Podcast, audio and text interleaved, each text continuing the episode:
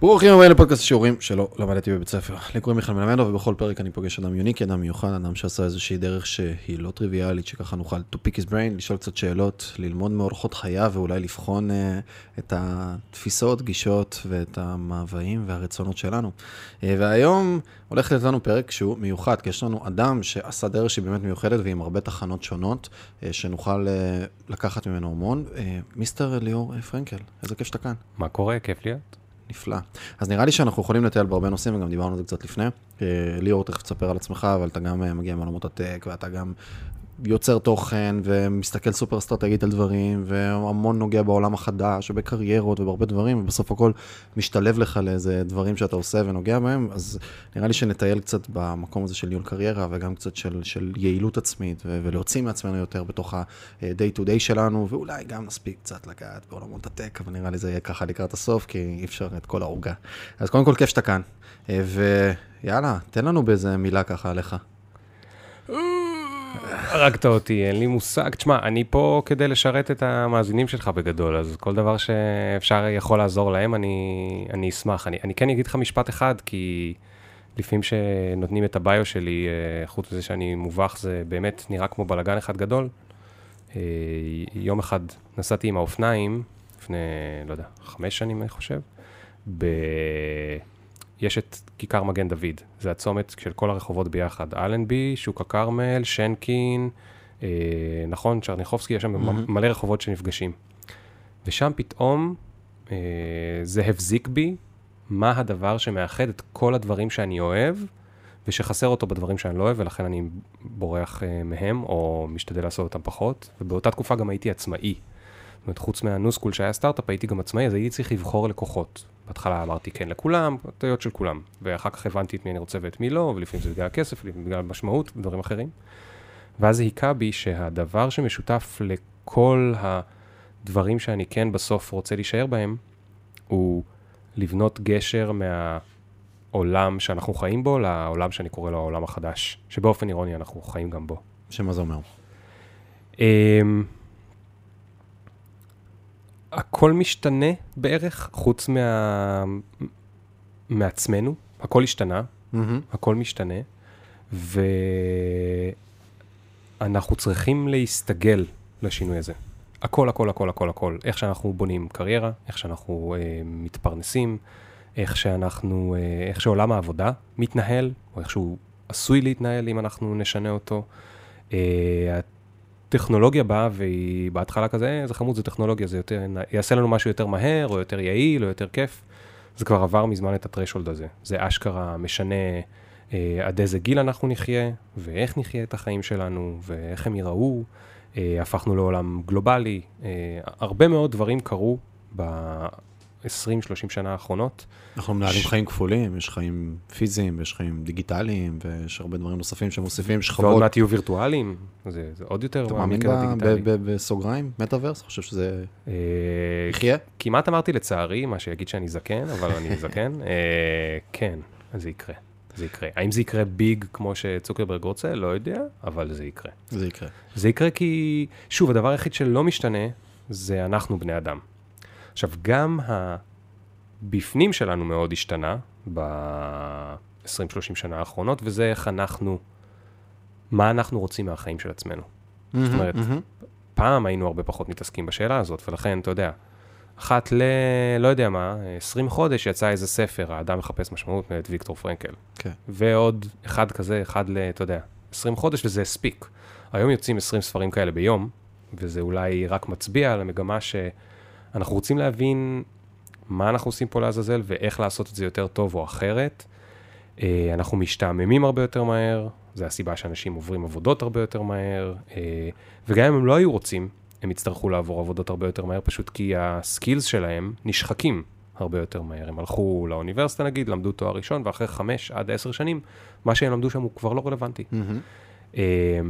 ברוב המקרים, מה שהם למדו באוניברסיטה והם יצאו כבר לשוק העבודה לא רלוונטי, והקורלציה נכון, לא היא נורא נורא... נכון, לא רציתי ללכלך, אבל, אבל כן, נגיד שיש איזושהי קורלציה, אז אז זה בטח לא יהיה אותו רק בתחומים נורא נורא. נורא ספציפיים יש רלוונטיות מסוימת, וזה גם בדרך כלל יותר לפתח נכון. לך דרכי חשיבה ולייצר לך skills של אם עשיתי תואר בפיזיקה, מתמטיקה, הנדסה כזאת או אחרת, אז למדתי כנראה לחשוב בצורה מסוימת, structure מסוים, לוגיקה, ואז אני מפתח לי יכולת שכשאני אצא החוצה, אז כבר מלכתחילה עברתי איזשהו threshold מסוים של אה, יכולת להתקבל למקומות, זה דבר ראשון, כי חלק מהמקומות דורשים דברים מינימליים בכל מיני מקומות, ודבר שני, יש לי יכולת שאני צריך להיות היום, ה- ה- להיות אוטודידקט היום זה לא מותרות, כאילו, זה כן, כבר נכון, משהו זה שהוא... הכרח. ב- ו- ו- ואפרופו השם של הפודקאסט שלך, דברים שלא למדנו בבית ספר, זה לא רק מה לא היה לנו שם בשיעורים, אלא גם מה שעכשיו אמרת על האקדמיה, אז ניקח את זה רגע לבית ספר, זאת אומרת, גם התוכן לא היה מספיק רלוונטי, וגם הדרך של הלימוד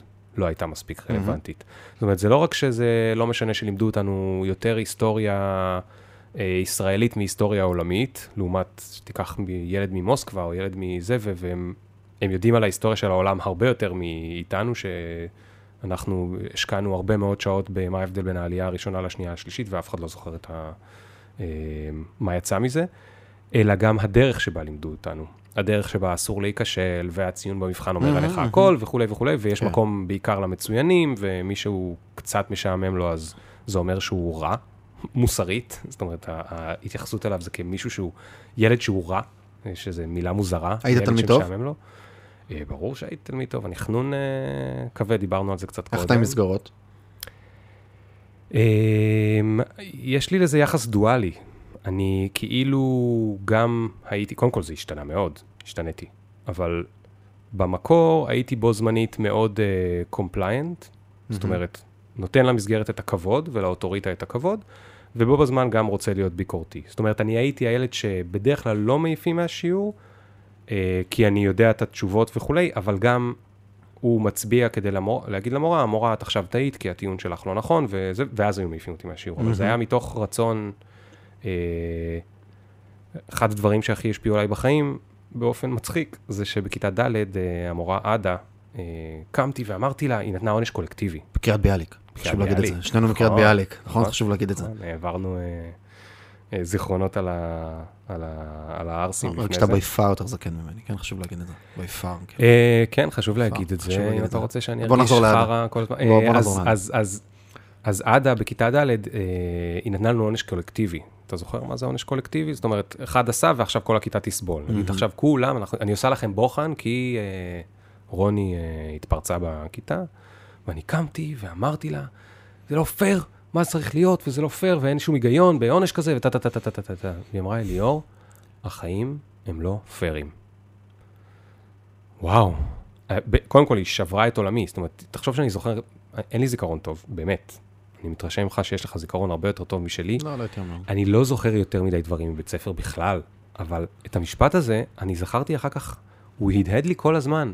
מה זה הדבר הזה שהחיים הם לא פיירים? אה, אה, אה, לא ידעתי מה לעשות עם זה, אז אה, נעתי כל הזמן בין, אני בסדר, אני אעשה צבא, אבל יש לי ביק- הרבה מאוד ביקורת על הצבא. אה, אני. הייתי עתודאי, זה חתיכת לעשות צבא, אז אני אעשה את המסלול, ואני לא אמרוד, אבל אני אתה- אחפש אתה דיסגריאבל איך, עד אה, גבול מסוים, כאילו אתה... נכון, נכון. אבל מה שקרה עם השנים, זה שכשהתחלתי לצבור קצת יותר אה, אה, אמונה בעצמי, תחושת מסוגלות, אה, והדבקתי את הפער בין מה שהייתי כנראה שווה למה שהאמנתי שאני שווה, אז גם התחלתי למאוס במסגרות ולעבור לצד שבו אני מייצר לעצמי את המסגרת. אז מגיל 30 אני עם אה, סטארט-אפים, או. באיזושהי תקופה קצרה, חצי סטארט-אפ, חצי עצמאי, שבהם אני הבוס, ואז אני לא צריך אה, זה. אבל עדיין, נגיד אם היה לי לקוח, אז מאוד הייתי מכבד את המערכת יחסים, ו- ולא מבריז או, או מתנהג כמו ילד רע. אני, אני היום יודע להסתכל על זה ברטרוספקטיבה, שאני לא הייתי מסוגל להכיל שום מסגרת שהיא.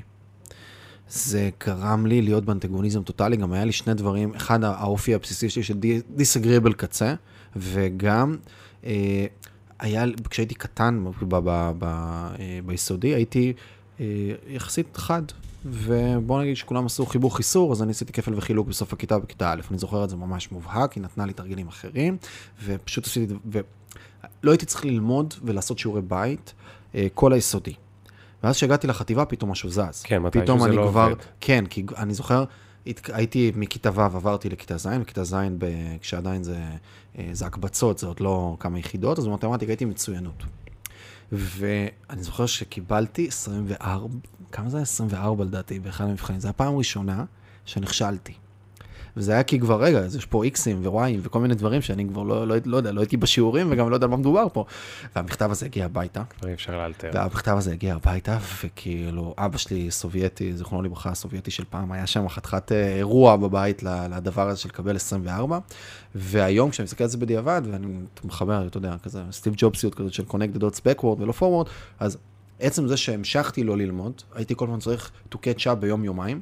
לפני, לפני המבחן, ואחר כך זה היה גם לפני הבגרות. רוב הבגרויות שלי, בין יומיים לשבוע לפני למדתי. והדבר הזה, שעכשיו, יומיים עד שבוע לפני, אתה כבר לא יכול להיעזר בפונק... בגורמים מבחוץ. כן. זה לא מורים פרטיים, זה לא להגיע לשיעורי השלמה, זה אני כבר צריך לשבת עם עצמי ולתפור רייסים רגע של, של לבוא וללמוד לבד.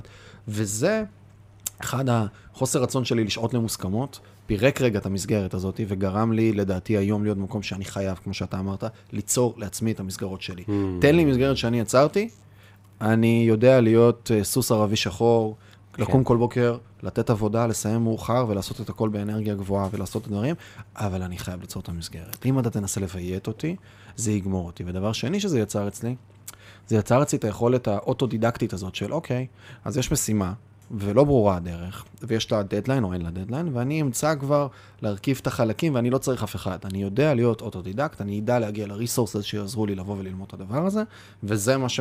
כי אני חושב שהיום, איזה שני, שתי יכולות כאלה של אחד לא שואל למוסכמות, כאילו, השאלה של למה זה ככה היא כל הזמן עוברת לי בראש לגבי כל דבר שאני עושה. לא מוכן לקבל את הדברים כ- כ- מאליו, ושתיים זה איזה מסוגל, self-efficacy כזה שנוצר אצלי, מסוגלות עצמית של, אני יודע, כאילו, נסתדר. תן לי את הזה, אני אדע ללמוד לבד. כן. וזה היה איזושהי זווית כזאת ש- שהתחברה אצלי. אני קצת מתבאס שזה קרה לי בגיל מאוחר מדי. זאת אומרת, היכולת שלי אני, לסבול אני, את אני המערכת... פותח סוגריים כי רק נותן עוד קונטקסט לאנשים שכאילו היית עתודאי, ואחרי זה היית בכל מיני עולמות, והיום אתה סמנכ"ל אה, מייסד וסמנכ"ל מוצר בג'ולט, נכון? שזו כן, חברה כן. גם טק וגם בעולמות הלימודים, שמתעסקת בכל מיני עולמות כאלה, ויש לך, כתבת ספרים, הקמת המון, וזה גם חלק מהדברים שאני רוצה שתכף ניגע בהם, הקמת קהילה, אחת מהגדולות בארץ, וכתבת ספרים, יש לך פודקאסטים 200 משהו פרקים, כאילו, יש לך איזה מולטי דיסציפלינריות כזאת שאתה נוגע במלא מלא מלא מלא תחומים. אז זה גם כן אה, זה. אז אני, סליחה שקטעתי, נותן, נתתי את הקונטקסט הזה. אז א- אני קצת מתבאס על, ה... אה, על החלק, על הצד הזה של הילד טוב. כי היכולת שלי לסבול את המערכת, למרות שבתוכי תמיד הייתה ביקורת, אה, זאת אומרת, מצד אחד זה... בוא נגיד ככה, כל עוד שיחקתי בחוקים הרגילים זה היה לטובתי. אה, אני, זה אומר שבצבא אני יכול להתקדם, ואחר כך בתוך עבודות אני יכול להתקדם, כי אני יודע ל- להצדיע כשצריך. מהמם. מצד שני, זה האט את הרגע שבו רציתי לצאת מזה ולעשות מה שאני באמת רוצה. אוקיי. כי, כי זה כאילו עבד לי, אתה מבין? מה כן, שאתה כן, סיפרת כן, על כן. עצמך, זה כאילו יותר טוב, כי כאילו אין לך ברירה. אין יותר טוב, זה מלא אתה מחירים היית, גם שאתה משלם, אבל. אתה היית חייב להיות בצד ההוא. כן. אתה מבין מה אני מתכוון? כן. שכאילו... כשמשהו לא מספיק חד, כלומר, שיש שכו- לך סיבולת לסבול מהמם, משהו מהמם, מהמם, שהוא לאו דווקא הכרחי, אבל אתה מספר לעצמך שהוא הכרחי, כי ככה העולם, אז אתה יכול, ל... ל... וזה קורה הרבה פעמים נגיד לאנשים שהם באמת היו ילדים טובים, או תלמידים טובים, לאו דווקא מצוינים, אבל תלמידים טובים. ה... המציאות לקחה אותם ללכת להיות, אתה יודע, רואה חשבון, עורכת דין, אה, רופא שיניים, ווטאבר, ב-X מקצועות אה, זה. אה, למרות שאילו הם היו לומדים במקום שמאפשר לך, אילו הבית ספר, אפרופו בית ספר, אילו הבית ספר היה כל הזמן מראה לך, יש שני דברים שאפשר להיות, שכיר ועצמאי, ובוא תראה איך זה נראה ככה, ובוא תראה איך זה נראה ככה. כן. הרבה מהם היו מגלים שדווקא הם רוצים להיות יותר עצמאיים או יזמים, או לא, לא משנה מה המילה שנבחר שם, עצמאיות. אה, אבל המערכת בנויה כרגע שכדי להיות עצמאי או יזם, אתה צריך לברוח ממנה. אתה צריך להשקיע מבחינת friction, אתה צריך להשקיע הרבה יותר אנרגיה. אתה צריך איזה escape velocity כזה כדי לצאת מתוך הדבר הזה. בדיוק. זה השאלה גם באיזה? גיל אתה, כי מה קורה? הרבה אנשים מגיעים כבר לגיל שפתאום הם יוצרים לעצמם התחייבות כלכלית לכל נכון. השכר שלהם, וכבר יש פתאום ילדים ומשפחה, וזה פתאום זה לא אחראי לעשות אה, והם גם סיבובים. יותר פחדנים, כי ככל שאנחנו יותר. מבוגרים, אנחנו יודעים מה אנחנו יכולים להפסיד, מה אנחנו יכולים להרוס, אנחנו ראינו מסביבנו. וזה אומר by default יש הרבה יותר שכירים שלא היו רוצים להיות כרגע בחוץ. אה, לא שאני חושב שלהיות שכיר זה רע, אבל זה יש אנשים נפלא. שזה לא מתאים להם. זה גם צריך להגיד את זה, שזה הרבה אנשים, היום נהיה כבר איזה, בטח בתרבות הישראלית, תרבות הסטארט-אפים, Start-up Nation והכל, נהיה כבר איזשהו, רומ, נהייתה רומנטיזציה לדבר הזה שנקרא להיות יזם, להיות עצמאי, להיות בעל עסק. ויש הרבה אנשים שלהיות entrepreneur היום זה כאילו איזה משהו שהוא, וואו, זה shit, ורוב האנשים לא בנויים לתוך הדבר הזה. העליות, גם להיות ה-first line of defense וגם להיות ה-last line of defense בכל דבר, להיות זה שבסוף מביאים לו את כל הבעיות והוא צריך לבוא ולפתור אותן, להיות זה שהוא בחוסר ודאות ולפעמים לא יודע איך הוא פוגש משכורת לאחרים וגם לעצמו, להיות במקום שבו יש לך בסוף המון המון דברים על משקל כן, הכתפיים, כן. זה לא מתאים לכל בן אני אדם עושה ולא את זה צריך עכשיו לעשות את זה. אה, שנה 13 ברציפות, אני עדיין חושב שאני לא בנוי לזה, כאילו, זה חרא. סליחה, צריך להגיד את זה. זה חרא ואתה צריך להיות מסוגל לרצות את הצד היפה של זה, כדי לספוג את החרא. אבל אתה צריך להיות מסוגל לספוג את החרא, אבל זה חרא. זאת אומרת, גם מי שזה... אין, מה שאני רוצה להגיד זה שאין מישהו שזה בא לו בקלות. יש מי שמוכן לסבול את זה, נכון. בשביל הצד השני. אתה יודע אחרת היום? אני שואל את עצמי, אני לא יודע היום אחרת, אבל אני יודע שאולי אני אדע אחרת. מה, מה שאני מאוד מאמין בו זה ש... אה, רגע לפני שאני אגיד את זה, אני מקווה שאני אזכור מה רציתי להגיד, ואני אחזור רגע אחורה למה שהתחלתי איתו. העולם החדש הזה, שאנחנו חייבים להשתנות בו, יש איזה סוג טיפוס, שמתישהו רציתי לכתוב על זה, ל...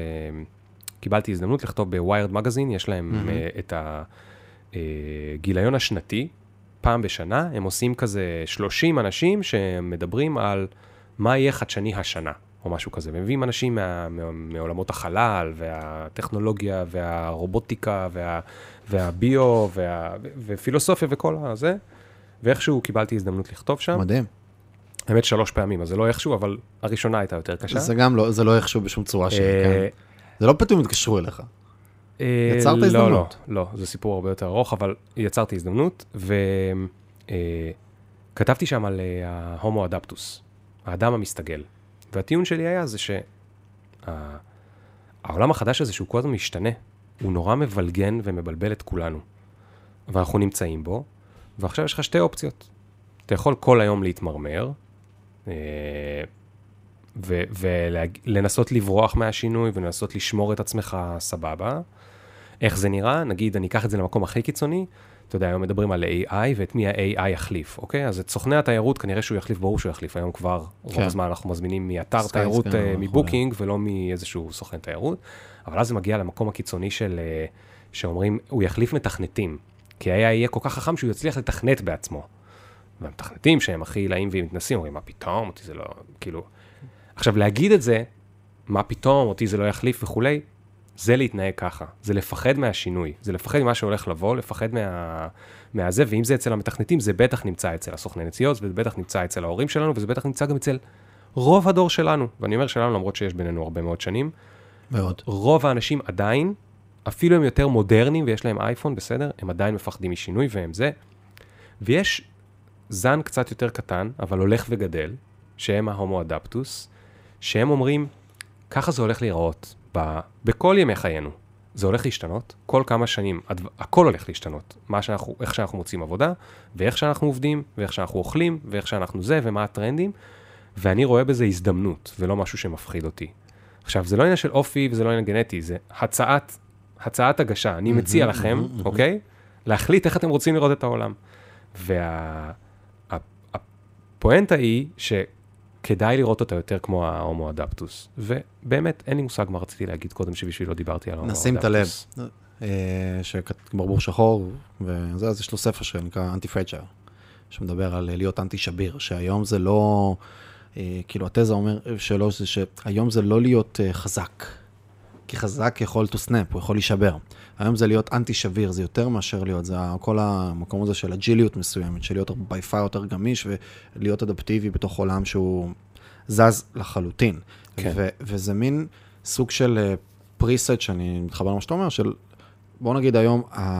וזה כל מיני משפטים קלישאתיים של הדבר היחיד שקבוע הוא השינוי וזה וכל מיני כאלה, אבל, אבל היום פשוט נהייתה אסקלציה נורא משמעותית לדבר הזה. היום הכמות שינויים והדברים שזזים בחוץ, צריך לקחת את זה כ default. אם אה, תוכניות עסקיות בעבר היו תוכניות עסקיות של אה, חמש שנים, שלוש שנים, whatever, היום אתה כבר by far צריך להיות יותר אדפטיבי. זה לא אומר שאתה לא צריך לתכנן, זה לא אומר שאתה לא צריך לעשות דברים, אבל המרווח לאי ודאות הוא by far יותר גדול, וגם ה...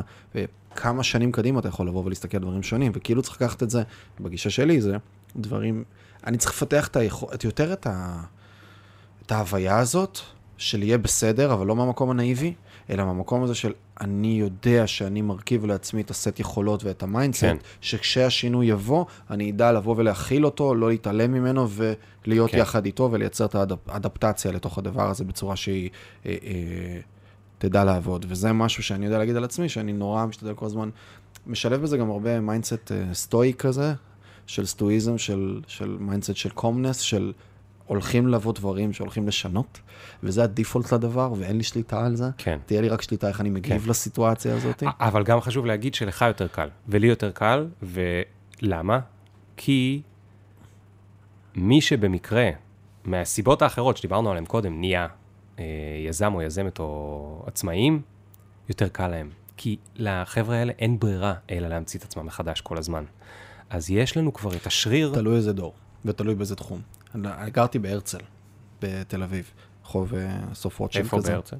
24, ליד אה, דרך איפה, שם גרתי, עברתי לפני איזה חצי שנה משם. וברחוב הרצל זה רחוב עם כל הנגרי, כאילו, כל הרחוב הרהיטים, שיש שם מלא מלא מלא חנויות. ובתקופת הקורונה, אני זוכר שהייתי הולך שם, פשוט הכל נסגר, להשכרה, נסגר, להשכרה. והם כולם עצמאים, אבל זה עצמאים שהם, נכון. שהם בסטגנציה נורא נורא ארוכה ולא בהכלה של הדבר, נכון. ורואים נכון. את הריכוזיות הזאת שהולך שם. הרבה יותר קשה להיות היום עצמאי לדעתי. זה כאילו מצד שני הרבה יותר פתוח, אבל בגלל שהכל כבר... אה, אה, הכל השוואתי בי פאר, ויש ריכוזיות מסוימת בתחומים, ויש גלובליות. היום בי פאר יותר מאתגר לבוא ולייצר את הדבר הזה, אלא אם כן אתה בסרוויס. אני לא יודע, כי פעם כדי לפתוח חנות רהיטים, היית צריך אה, הרבה מאוד מזל, היית צריך שלאבא שלך יהיה משהו לתת לך כדי להתחיל, או לאימא שלך, אבל כנראה שזה היה לאבא שלך בתקופה ההיא, ו... או שהיית צריך שהבנק ייתן לך 200 אלף שקל ראשונים כדי להתחיל. או היית צריך לפרסם בדפי זהב, זה עלה הרבה כסף. לא יכולת לפרסם ב-10 דולר לש... לחודש בפייסבוק, רק כדי לבדוק את השוק, או משהו כזה. זאת אומרת, ה... היכולת היום, ובטח... אתה חושב שלהיות יזם יותר קל היום? הרבה יותר. כן. זה גם הבעיה. כי הבעיה היא שזה, הפריקשן כל כך ירד, שאנשים עושים את זה גם בלי, לפעמים בלי לחשוב מספיק, או בלי להתכונן מספיק, או, או לא משנה, מצידי שיתחילו מהר, אבל גם, נגיד בחצי שנה הראשונה הם לא לומדים מספיק על איך לעשות את זה כמו שצריך, אלא הם רצים קדימה, כי ה friction כל כך נמוך, כי אם אתה פותח, בטח אם זה עסק דיגיטלי, או עסק שאפשר לפרסם אותו בדיגיטל, זה, זה נהיה כל כך קל. אני לא מסכים איתך בכלל. אני חושב שה skill set זה כאילו נהיה קל, אבל כדי לייצר משהו שהוא באמת אמיתי ו sustainable, אה, רגע, אז, ואתה מצליח להתקיים ממנו, אז ההגדרה שלנו ליזם היא שונה. לא, לא, לא, לא. מבחינתי יזם הוא לא בן אדם ש... אה, אוקיי, הקמתי דף פייסבוק ועכשיו אני מעצב גרפי. מבחינתי יזם הוא מישהו שמצליח, וגם זאת שאלה, רגע, גם זה קטגוריות, האם אני עצמאי או פרילנס שנותן service, ובסוף אני יודע לקחת, כי כל מי שהוא מעצב סביר, אה, אם הוא יקים עסק והוא יהיה פרילנס, והוא עושה עבודה די טובה, יכול לא בהרבה מאמץ להיות פתאום subcontract של כל מיני agencies ומשרדי פרסום, ולהביא לעצמו איזשהו שכר. אבל תכלס, הוא לא, הוא לא באמת יזם או בעל עסק, אלא הוא יותר self-employed. הוא יצר לעצמו כרגע איזושהי הכנסה מסוימת שמגיעה מאיזשהו מקום אחר, העסק לא נשאר בו כלום כסף, הוא בסוף מייצר עצמו משכורת. ברוב המקרים יש כאלה כן, שגם קצת. כן. לעומת מישהו שכבר בנה אופרציה או מנגנון, הוא כבר בנה איזשהו משהו שבאמת הוא כבר יזם איזשהו משהו שהוא נפרד ממנו. יכול להיות שהוא תלוי בו, יכול להיות שהוא המנהל שלו, יכול להיות שהוא הפרזנטר כן. שלו, יכול להיות שהוא גם הביצועיסט שלו, כן. אבל הוא כבר ישות. וה skill כדי להיות פרילנס, וה skill כדי להיות builder, אלה שני דברים אחרוני, אחרים לחלוטין. לגמרי, לגמרי, לגמרי. אני, אני, אני, אני מסכים איתך. מה, ש, מה שדיברתי עליו היה הכניסה. הכניסה נהפכה להיות הרבה יותר קלה. חד משמעית. וזה מה שאמרתי שזו הבעיה. זאת אומרת, כשהכניסה נהיית יותר קלה, נכנסים יותר אנשים שלא מבינים מה המחיר. זה כמו ההבדל בין אה, אה, לפני ואחרי אפליקציית רובין הוד. כן, למי של שלא. מכיר, מהמם. אפליקציה שנותנת לך מאוד מאוד מאוד מאוד בקלות להשקיע את הכסף שלך, לא רק בבורסה, אלא גם בתחומים שעבורם פעם היית צריך מומחיות גדולה, או סכומי כסף מינימליים מאוד גדולים, כמו אה, נגזרות, אה, אה, שורטים, כל מיני דברים שהם הרבה הרבה הרבה יותר מסוכנים, והאפליקציה, באמצעות UX וט- וטכנולוגיה מדהימה, אפשרה לכל אחד פתאום לגעת בכלים שהם כלים מאוד מסוכנים. וזה בעצם דפק, את, דפק הרבה משקיעים, כי על כל אחד שעשה כסף ברובין הוד היו הם, 50 שהפסידו, כן. כי כשזה קל, אתה יודע, זה כמו פורקס. פעם, להשקיע במטבע חוץ, היית צריך לקנות מטבע חוץ, אוקיי? ואז נולד הפורקס, אתה לא צריך לקנות מטבע חוץ, אתה צריך רק להגיד שהמטבע חוץ ישתנה, אתה לא צריך אשכרה לקנות, אתה לא צריך להכניס הון. מהמם. אז, ה, אז ה, הצד, המ, סליחה על המילה, המחורבן של, ה, של העולם החדש, זה שהוא הוריד friction להרבה דברים, והכניס הרבה מאוד אנשים לרמת סיכון יותר גבוהה ממה שהם... אבל זה תהליכים שמתאזנים. זה בהתחלה, נראה, שוב, קטונתי מלנתח מקרו, אבל בהתחלה זה רובין הוד style כזה, וגיימסטופ וכל השטויות שהיו שם, שנכנסים ויד קלה על ההדק ודברים. בסוף השוק מאזן את עצמו. כשיש משהו שהוא ראשוני וחדש, אז הרבה אנשים עושים שטויות, עד שמבינים כנראה את המחירים של זה, וגם ההייפ יורד, וזה כמו עם NFT עכשיו, וכל מיני כן. דברים נוספים, זה כן. נכנסים לזה. אני לא יודע, אני גם אה, לא יודע לה- להגיד באמת ניתוח מקרו של זה. אני כן יודע להגיד שכבר אה, יותר מעשור אחד, הפער בין אה, המעמדות גדל. כן, זה נכון. בארץ ובארצות הברית. זאת אומרת, יכול להיות שהשוק לא מאזן את עצמו, אלא שפשוט העשירים כל פעם מוצאים שכבה חדשה של פריירים כדי לקחת מהם עמלות על כל מיני דברים כאלה, ומעטים מהם בסוף עושים את הכסף. כמה אתה אינטואיטיבי וכמה אתה שיטתי בניהול קריירה שלך? אה, ואני מסתכל, אה, כאילו, קצת אחורה, אה, אה, לא היום. אין לי פה, אין פה לוח מחיק לגרפים, אבל הם אחד על חשבון השני, כשהאינטואיטיבי עולה עם השנים והשיטתי יורד. מה זה אומר? אה, שפעם הייתי כמעט 100% שיטתי, מתי זה התחיל? מתי פעם ראשונה הסתכלת על הקריירה שלך ואמרת, אוקיי, יש פה אירוע שצריך לנהל אותו, ועכשיו אני מתחיל לעשות מהלכים ולבנות אה, איזושהי אסטרטגיה קדימה. על ה- בגיל אה, 30. 30. עד 30. 30 היית... אני... לא הייתה לי אסטרטגיה לקריירה. קרו דברים טובים כי הייתי חרוץ ועבדתי קשה, אבל אה, ל- לא הייתה לזה אסטרטגיה לצערי הרב. זו הייתה טעות גדולה. לא היה מי שידריך אותי או יספר לי שצריך דבר גיל כזה. 30, תפקיד אחרון לא שעשית? היו פודקאסטים. אשכרה. תפקיד ראשון, אחרון שעשית כשכיר בגיל 30, מה זה היה? הייתי בחברת BigBand Networks, ייצרנו חומרה מאוד חכמה, שנמכרה בעיקר לאמריקאים, שהיא שלטה על, היא התחברה לממירים שהיו אצלך בבית, כמהנדס אלקטרוניקה? כמהנדס אלקטרוניקה, אוקיי. כ system engineer ו product manager, הלקוח שמולו עבדתי היה Verizon Networks, מהמם. שזה חברה קטנה כמו הוט, פי אלף יותר גדולה בארצות כן. הברית. אה, בעיקרון, אני אגיד רגע את הקצה של זה, אה, אתה מכיר שיש pause ב-VOD, מהמם. אז הם עשו דברים כאלה. אה, הם, אנחנו, whatever. אני הייתי שם עובד מספר 500 ומשהו, אז אני לא, לא קורא לזה אנחנו, כי באתי אחרי שכבר הרבה חכמים עשו הרבה דברים חכמים, אבל בגדול ה- הגול של החברה היה שכמה שיותר אמריקאים יראו כמה שיותר טלוויזיה. כמה שיותר אמריקאים ראו כמה שיותר טלוויזיה, אנחנו הרווחנו יותר כסף במודל. בדוח הרבעוני. תבין שבאותם ימים, בבית שלי, אני גר בתל אביב, היפסטר צעיר, אין טלוויזיה. כי אם תהיה לי טלוויזיה, לא יהיו לי חיי חברה. אני לא אלמד שום דבר, אני לא ארצה לקרוא ספרים, אני לא ארצה ללכת לשתות עם חברים, אני לא ארצה ללכת לחפש אה, נערה יפה. מה אני אעשה? אני כל היום אראה טלוויזיה, אז אני לא מכניס טלוויזיה הביתה, ובכל הזדמנות שיש לי אני מספר לאנשים שטלוויזיה זה השטן. אבל מה אני עושה מהבוקר עד הערב? אני עובד בחברה שהמטרה שלה זה לגרום לאמריקאים להתמכר לטלוויזיה. ובגלל שאני נולדתי בסוף שנת 78 וגדלתי ב-80's, זה היה נראה לי נורמלי. נכון? זה כל ה-work hard, play hard, מה זה אומר? ראשון עד חמישי אתה עובד כמו חמור על משהו שאתה שונא, ואז אה, חמישי, שישי, שבת אתה שותה אלכוהול, לוקח סמים וכאילו עושה מסיבות עד אה, זה, ושונא את יום ראשון, ויום ראשון אתה בא עם hangover לעבודה. זה היה ה-80's, וב-90's שיש סרטים, כל הסרטים על ה teenagers, שזה אנשים שגדלו ב-80's והם זה, זה תמיד ככה. זאת אומרת, כל הסרטים, הבן אדם שונא את העבודה שלו, זה הדבר הנורמלי. וגם אני הייתי בתוך הדבר הנורמלי הזה, זה היה נראה לי נורמלי. אמ, ומתישהו, לא חשוב, סיפור ארוך שקשור לגב תפוס מתישהו זה יגיע גם לקצת חרדות ומקומות לא טובים, גב תפוס כרונית. אה, וביחד עם איזשהו טיפול, אני הבנתי כאילו what's going on. אני, בגלל מה שדיברנו עליו לפני כמה דקות, היכולת שלי לשרוד בתוך מערכות, למרות שפנימית כן, הייתה לי ביקורת. כן, כן, כן, כן. היכולת שלי מצד אחד פילוסופית, ל- יש לי תואר שני בפילוסופיה, ולהיות מאוד, עם מחשבה מאוד עמוקה על החיים ועל מקומו של האדם, ובו זמנית בעצם למצוא את עצמי הכי ישר ובתוך קופסה, ופוסטר בוי, אבל לא של מי שאני הייתי רוצה, אלא של אימא. מהמם. אה, ילד הייטק שבגיל 28 מטיסים אותו לניו יורק עם חליפות ועניבות ועובד עם ורייזון ודוחות רבעוניים יש ונאסד"ק סיפור, יש. סיפור אה, לספר לעולם וגם לעצמך של, אה, כן. ו...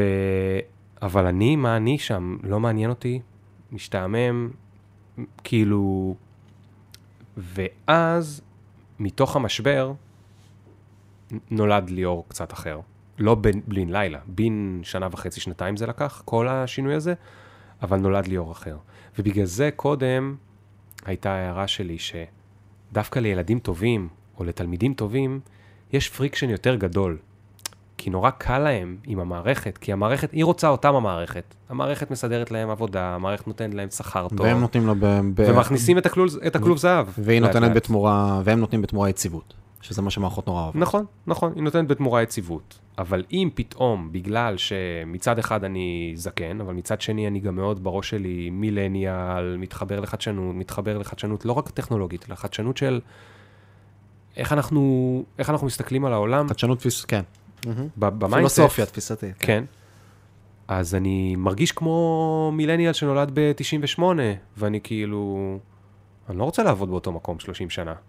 ומה אני עושה פה? ולמה אני עושה את הדבר הזה? פתאום הכל התנגש, פתאום היה כזה מפץ מאוד מאוד גדול, וכאילו יצאתי מהמערה של אפלטון, ו- וראיתי את השמש, והבנתי שכל הזמן הסתכלתי על הצל.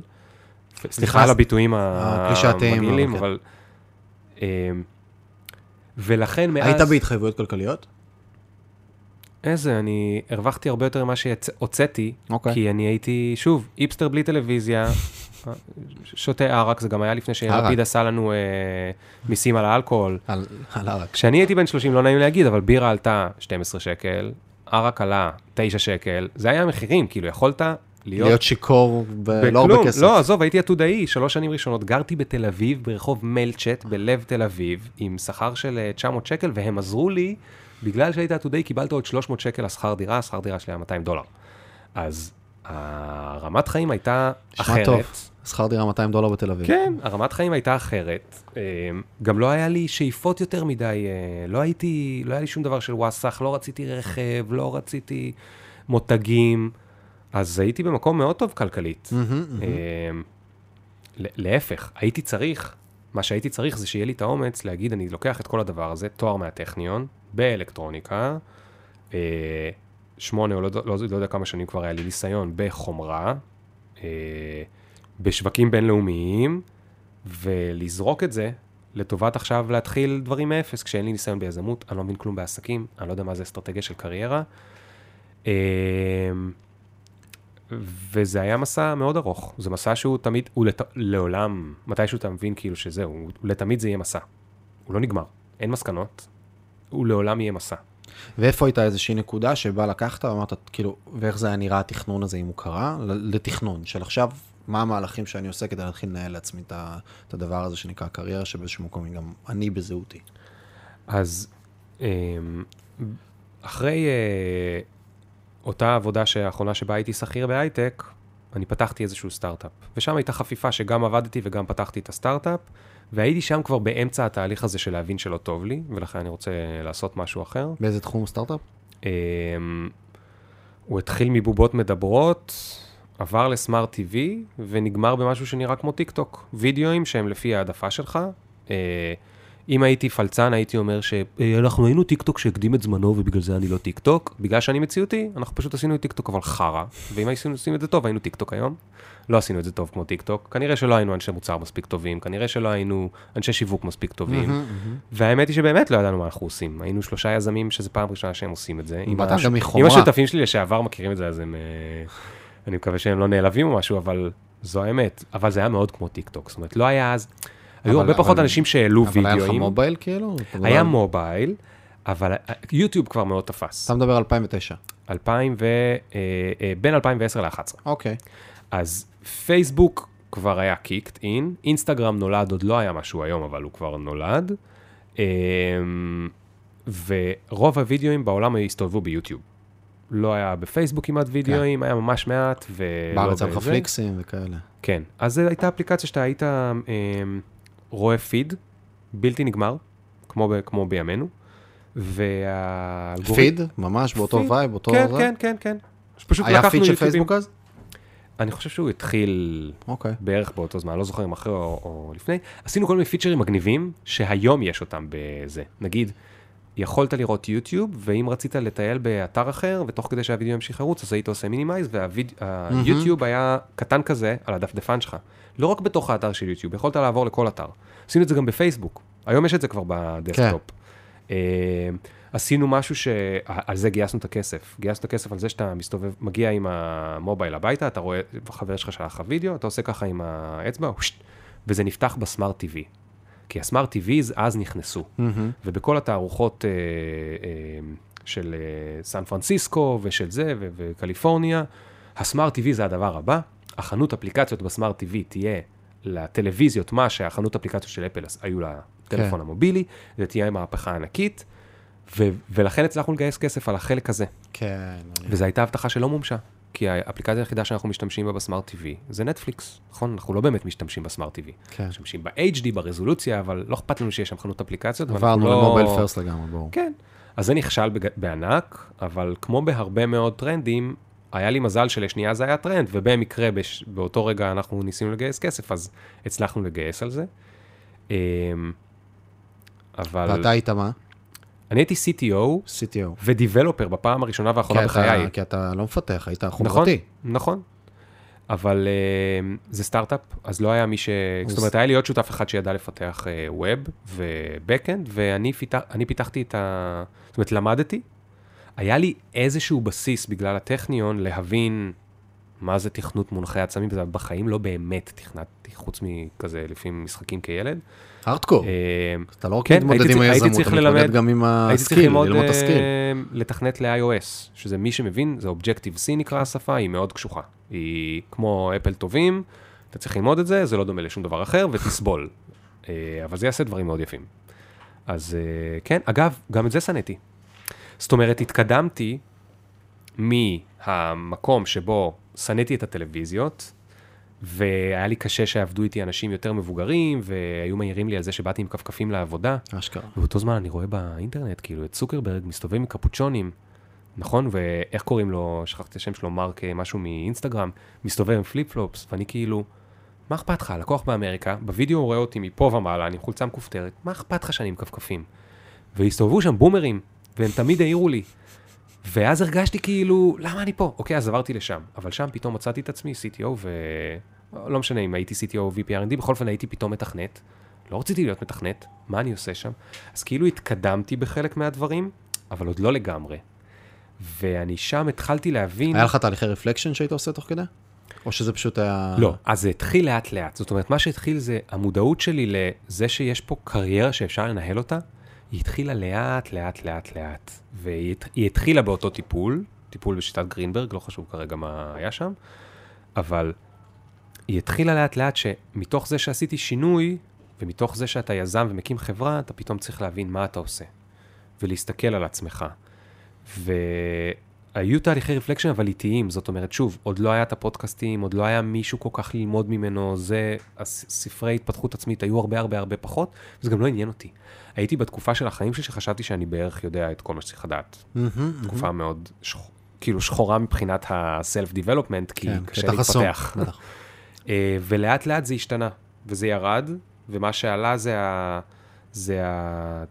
פתאום הסקרנות החדשה, היי, כמה יש ללמוד, כמה אני לא מבין, היי, יש פה קריירה, מה אני רוצה לעשות? ושהסטארט-אפ הראשון, אה, בשנה האחרונה של הסטארט-אפ הראשון, הכסף של המשקיעים נגמר, כמה זמן הייתם? רצתם? שלוש שנים, לא מעט. נכון. לא מעט. ובשנה האחרונה... והיה יוזרים, היה... היה יוזרים, היה לנו extension לכרום, היו לו מלא יוזרים, היה, היה את כל הדברים שיכולים לבלבל. שיש לך ב- traction מינימלי, אבל אין לך product market fit, ואתה כאילו... נכון, למה? כי ב-2010, 2011, אני לא זוכר, פייסבוק קנתה את אינסטגרם במיליארד דולר. מיליארד דולר, עם 50 עובדים. כן. יש דור של סטארט-אפים שאני נפלתי בתוכו, שניסה להיות אינסטגרם הבא. שניסה להיות אינסטגרם הבאה, אבל לא רק הדור ניסה, גם הדור של המשקיעים ניסה. וזה כן. היה דור לא הבינו אז מספיק את ה network effect ואת דפוק מבחינה המשמעות של עסקית, זה. דפוק מבחינה עסקית, שהיום אני יודע שזה דפוק מבחינה עסקית, שאמר, תביא את היוזרים, אחר כך נגלה מה לעשות עם הכסף. כן, והיית כן, אשכרה כן, נמצא כן, במצגות כן, למשקיעים, כן, והיית כן. אומר להם, אנחנו נביא את המיליון יוזרים, היום בכלל מיליון נחשב, אבל אז הוא היה נחשב, נביא מיליון יוזרים, ואז נבין מה לעשות עם הכסף, אה, פרסום זה משהו, משהו, משהו, בולשיט. אבל זה מה שהיה, זה מה שהיה. למה? כן. כי פייסבוק קנו את אינסטגרם מיליארד מהמם, דולר, מהמם. על מה? בלי מודל עסקי. וכמה כתבות ב-CNN בכל מקום. על מה הם קנו אותם במיליארד דולר? היום הם שווים להם איזה 100 מיליארד, כן? זה, לא, יותר. אז היה, כן, וזה היה, אני זוכר, אה, גרי ויינרצ'וק, אתה מכיר בטח. אז גרי העלה איך שהם אה, קנו אותם, הוא עלה לאיזה זה, והוא אמר, אה, Facebook stole Instagram. וכולם אמרו לו, כאילו, אתה אומר, אתה- ליצן? מה, מה זה fucking חברה עם 50 עובדים, בלי revenue, בלי כלום, מה הם עושים בכלל? כן. איך קונים אותם מיליארד דולר? הם עשו, כאילו, עשו את האקזיט של החיים שלהם, ו, והמקום הזה של ההבנה של... יש דבר שנקרא Network Effect, ואם יש לך כבר יוזרים בפנים, ומצליחים להשאיר אותם מספיק זמן, נורא קשה יהיה לגרום להם לעבור למקום אחר. הוואטסאפ, מה יש בוואטסאפ? כאילו טכנולוגית, אין כלום בוואטסאפ טכנולוגית. אפשר לפתח את זה בלא הרבה כסף נכון. אה, ב- בכל מקום, נכון. כולם כבר שם. וזה כמו הקרייגסליסט בארצות הברית, שזה כאילו עוד נכנסים לזה, את שתיים של ארצות הברית נכנסים לזה, נראה זוועת עולם, כאילו, זה נראה משהו משנות ה-90, כולם שם. כי כולם שם, קשה כן. לצאת מתוך Reddit. הדבר הזה. רדיט, כן. אותה- דוגמה. כזה לגמרי. שלוש אמ, שנים, לא מעט. נכון. ו- ובשנה האחרונה אה, הגיע הבום של התובנה על מה זה קריירה. כי בשנה האחרונה לא לקחנו כסף לנו, שילמנו לעובדים, ואנחנו היזמים לא לקחנו כסף. קשוח. קשוח, ואני גר עדיין בתל אביב. שוב, לא בדירה, אני אף פעם לא עפתי על עצמי ואף פעם לא קפצתי מעל הפופיק, למזלי. כי אחרת אה, הרבה פעמים לא הייתי, פשוט לא הייתי יכול להיות יזם. הרבה פעמים חברים ששואלים אותי מה צריך כדי להיות יזם, אני אומר, קודם כל תחסוך כסף, כי תצטרך בין חצי שנה לשנה לשרוד, להיות סקפן, ספרטני. כן, ויכול להיות שאחר כך, שנתיים אחרי או ארבע שנים אחרי, עוד פעם תצטרך איזה חצי שנה, אז תחסוך כסף. אה, אבל כן הייתי צריך לשלם שכר דירה בתל אביב, והתחלתי לעבוד בסופי שבוע ובלילות, בנוסף לזה, כמובן בידיעת השותפים שלי, ולעשות כל מיני דברים. ופתאום קרו כמה דברים. אחד, אני עשיתי עוד דברים חוץ מהדיי ג'וב שלי, מהמם. שהיה מאוד דורשני, כאילו הייתי לפעמים 14 שעות ביום מתכנת, או עובד עם המתכנתים. שלוש שנים תכנת גם. כן, וואלה. כן. אה, זה היום נראה לי נורא מוזר, זה מזמן. פותח סוגריים קטנים ותחזור רגע לעבודה הנוספת. האם עצם התכנות, אתה מרגיש היום שהוא הוא גורם לך להסתכל אחרת על העולם? לאו דווקא על תכנות ספציפית? ברמת אה, זה- ההיררכיה לוגית מסוימת, כן, הסתכלות רגע על... כשאתה רואה מנגנון, אז אתה יודע... כן, אבל זה לא קשור לתכנות, זאת אומרת, אצלי ספציפית זה לא קשור לתכנות, זה בגלל שאני מהנדס באופן כללי. הייתי מהנדס הרבה שנים, בלי קשר למתכנת. אז הראייה של מה שאמרת, מערכות, דאטה, חיבורים, זאת אומרת, תורת המערכות, יש משהו שאתה, שאתה לומד שהוא תורת, המע... תורת המערכות, שזה, יש קופסה, יש לה אינפוט, יש לה אאוטפוט, קורה משהו בפנים, לפעמים יש לה כמה אאוטפוטים, לפעמים יש לה כמה אינפוטים. החשיבה הזאת שיש אותה, לכל מהנדס, זה לא משנה אם אני כן. מהנדס חשמל או מהנדס אחר, זה חשיבה שנהיית מאוד, אה, הנה משהו, מאוד קל לי לשים דברים בתוך תהליך. הראש שלי חושב ככה. אני, קשה לי לדבר עם אה, אה, מישהו שעובד איתי, כמעט באתי להגיד עובד שלי, אני מעדיף להגיד מי שעובד איתי, בלי לצייר על הלוח. קשה לי לא, לא לצייר על הלוח. הכל מסתדר ב, בחוטים ובקווים ובטבלאות ובזה, אבל זה לא משנה. אותה תשובה, אם הייתי רק מתכנת עד היום, אז כן, זה מאוד עוזר לך. וזה כל, כל מי שעוסק במשהו שהוא הנדסי, זה מאוד מאוד עוזר. זה מה שנקרא אה, first principles. זה עוזר לך לראות את העולם כן, בצורה אה, של מערכות. אני, היה לי סשן, אני לא מתכנת, אה, ויש לי יכולת הבנה לוגית של התהליכים ודברים בגלל כל מיני דברים שעשיתי, ודורשים ממני את הדבר הזה, אבל אחד מהדברים, בני, לקחתי Airtable, כלי אה, no-code כזה שאתה כמובן מכיר, שהוא אפשר לבנות בו כל מיני כלים, דשבורדים, גרידים למיניהם וכל מיני דברים, ובניתי אצלי גם את כל המערכת הפיננסית, בניתי על Airtable, וגם את כל המערכת ה... אה, ואחר כך זרקתי אותה לפח, אבל שיחה אחרת, אה, כי בסוף העלות תפעול של לבוא ול... כי בניתי את הכל דאטה נכון, אבל לא בניתי את הנכון, אה, בוא נגיד ב user experience בצורה נכונה. ואז בסוף אותם אנשים שהיו צריכים להזין את הנתונים, את הדברים, friction היה כל כך גדול שגרם לאי ביצוע, ואז האי ביצוע גרם לזה שבסופו של דבר כל הדברים הנפלאים שבניתי נכון ברמת הדאטה, כדי שייתנו לי את ההבנה הנכונה של תזרים ודוחות כן. רווח והפסד וזה, אז לא קרה, ואז בסוף כל המערכת נזרקה לפח כן, אחרי הרבה מאוד שעות. כמו שקורה לרוב ה products. זה, לא מבינים את זה אנשים, אנשים לא מבינים את זה. רוב הדברים שבניתי הלכו לפח. ובניתי גם כאילו Airtable שלם של כל הזה, ובתהליך הזה, Airtable הרי בנוי כמו database, כאילו בהיררכיות ובדברים, אז בניתי את כל הדברים נכון היררכית, ואז למדתי קצת database, ולמדתי איך בונים דברים, ואיך מסדרים, וטייפים, ו sub טייפים, ו single select, ו multi select, ואת מה אני שם, איך אני שם, ואיזה שדות אני בוחר, ואיך אני בוחר פונקציות, ואיך אני משייך, ואיך אני בונה סוגי ישויות שונים, שונות, ואז לאט לאט בתצורה הזאת פשוט כן. נהייתה לי, זה אחד מהדברים שאני מסתכל בדיעבד, זה בזבוז זמן טוטאלי ברמת הזמן אה, מנכ"ל לעסק בתקופה שבה, זה הייתי, שבה הייתי. כן, היינו איזה שישה עובדים ואני יושב, אה, חמישה, ארבעה עובדים, ואני יושב בונה Airtabling כמו איזה משוגע, מנסה לססטם משהו ש... כן. רגע, עוד לא עשית, מה אתה מססטם את זה? כאילו, מה אתה מבלבל את עצמך את המוח? אבל העצם השקעה, לדעתי השקעתי בכיף 200 שעות. בהתעמקות, בהבנה, בלמידה, בזה. אחד מהדברים הכי טובים שעשיתי. ההסתכלות שלי היום על מבניות של דברים ועל על כל product שאני רואה ועל כל תהליך עבודה מסוים שאני רואה, פשוט ה-visual שונה. כן. אני מסתכל אחרת על הדברים, וזה לא היה רק מללכת וללמוד, כי ללכת לסדנה של איך דאטאבייסים עובדים, או איך תכנות, או משהו בסגנון, לעשות אפילו איזה קורס ב-Udemy, זה לא אותו דבר כמו לעשות משהו A ל-Z, שאתה מתחיל לבנות ואתה רגע נתקל בבעיה, ואתה שואל איך אתה מאפיין, ואז אתה מגרד את המוח ואתה... אבל, אבל זה עוד הרבה יותר מזה. וזה, אתה יודע, שיחה על פדגוגיה ואיך עושים לימודים כמו שצריך, אבל זה היה העסק שלך. כן. כשאתה בונה product לעצמך, היה אכפת לי. זה רמת לימוד שהיא אחרת לגמרי. ואגב, אם להגיד בצורה מאוד פשטנית, כי אתה יודע, אמרנו כל מיני סיסמאות, ואולי מישהו מקשיב והוא לא מהנדס, או לא יצא לו לבנות מערכת וזה, ואז איך הוא יתחבר לזה. קודם כל, יש פה מסר שאתה אומר, והמסר הוא שווה ללמוד גם משהו שאני לא כאילו צריך אותו כי אני... לגמרי. זה, והדרך הכי פשוטה לחשוב על זה, זה כמו ון דיאגרם, נכון? אני בטוח שכל מי שמקשיב יודע מה זה ון דיאגרם, ואם הוא צופה אז הוא רואה, נכון? זה, יש לנו שני עיגולים ויש ביניהם משהו משותף, אוקיי? אז העיגול שלך זה נגיד כל הדברים שאתה אה, עושה, וכל הדברים שאני עושה, ויש בינינו איזשהו ון דיאגרם. למשל, שנינו עושים פודקאסט. עכשיו, ון דיאגרם זה משהו די מפגר, כן? זה שני עיגולים שרואים ביניהם... overlap, אה, כן. או שלושה עיגולים שרואים ביניהם. אבל אחרי שראית Venn diagram בחיים, או ציירת פעם Venn diagram בעצמך, וזה, אתה פתאום רואה כל הזמן Venn diagrams. יש לך כלי חדש שאתה לא יכול לא להשתמש בו, כי זה נורא כיף, כי, כי אפשר, ואפשר להסביר איתו דברים לאחרים, אפשר להסביר איתו משהו ל, ל, למישהו שאתה מנסה להסביר לו למה הוא, למה הוא, הוא לא צודק, למה, למה השותף שלך לא זה, ואתה מסביר לו את זה באמצעות הכלי הזה של הוון דיאגרם. ואז אם להכליל, או להרחיב את מה שאמרתי על ון דיאגרם, אז בתכנות, בכל דבר אחר שאתם הולכים ללמוד, אתם לומדים כל מיני דברים אחרים, שאי אפשר אחר כך לראות את העולם אחרת. Mm-hmm, כי, mm-hmm. כי התרחבו הכלים של איך המוח שלך יכול לתפוס אה, אה, דברים. כל אחד צריך לתכנת היום לדעתך? לא. לא. לא. ממש לא. זה לא אמור להיות לדעתך לימודים כמו לימודי, לימודי חובה במסגרות בית ספריות? וואי, זו שאלה מה זה מסובכת. פשוט שמת שם את כל אחד. בוא נגיד ככה. כי אני יודע, אתה מתחיל... האם לא צריך פי עשרה, פי עשרה ילדים שילמדו את זה? כן. לא בשביל המדינה, אלא בשביל עצמם. אתה לוקח את הבן אדם הקריאטיבי, שאם אתה מכניס אותו למקום הזה, אז אתה גומר אותו? אמ, לא, אגב, יש הרבה מאוד קריאטיביות בקוד. אבל אני לא יכול לחשוב על ההתפתחות של ה-No-Code. העולם של ה-No-Code מגניב אותי לאללה. אני, אני, בוא, בוא נדבר על זה רגע בזה. כן, היום מתכנתים, ו... היום, מתכ... היום מתכנתים, הם מתכנתים בכל מיני שפות חכמות שנקראות uh, JavaScript ו-Node ו-Ruby, ויש להם כל מיני שמות כאלה נחמדים באנגלית.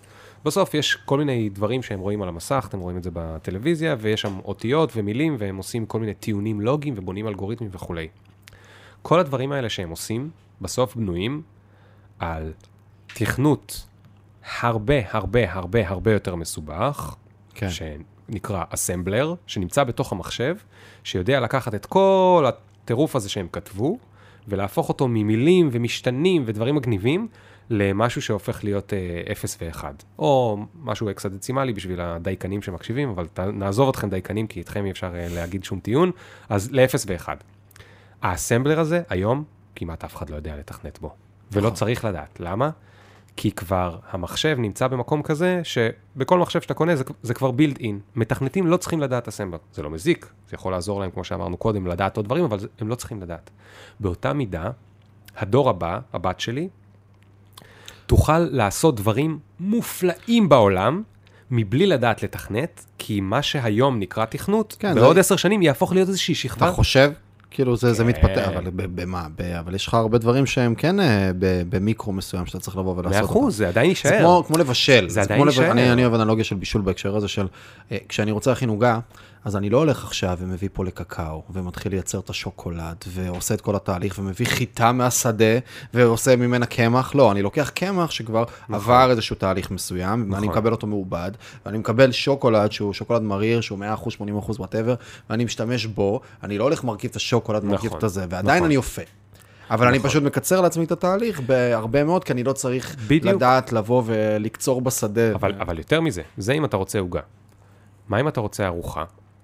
אז אתה יכול להכין ארוחה מאוד מיוחדת. להזמין מוולט עוגה ו... מזמין מוולט עוגה, ומזמין מוולט זה, ומזמין את האורחים האלה, ואתה מייצר מוצר חדש, שהוא הארוחה הספציפית שמיכאל הכין.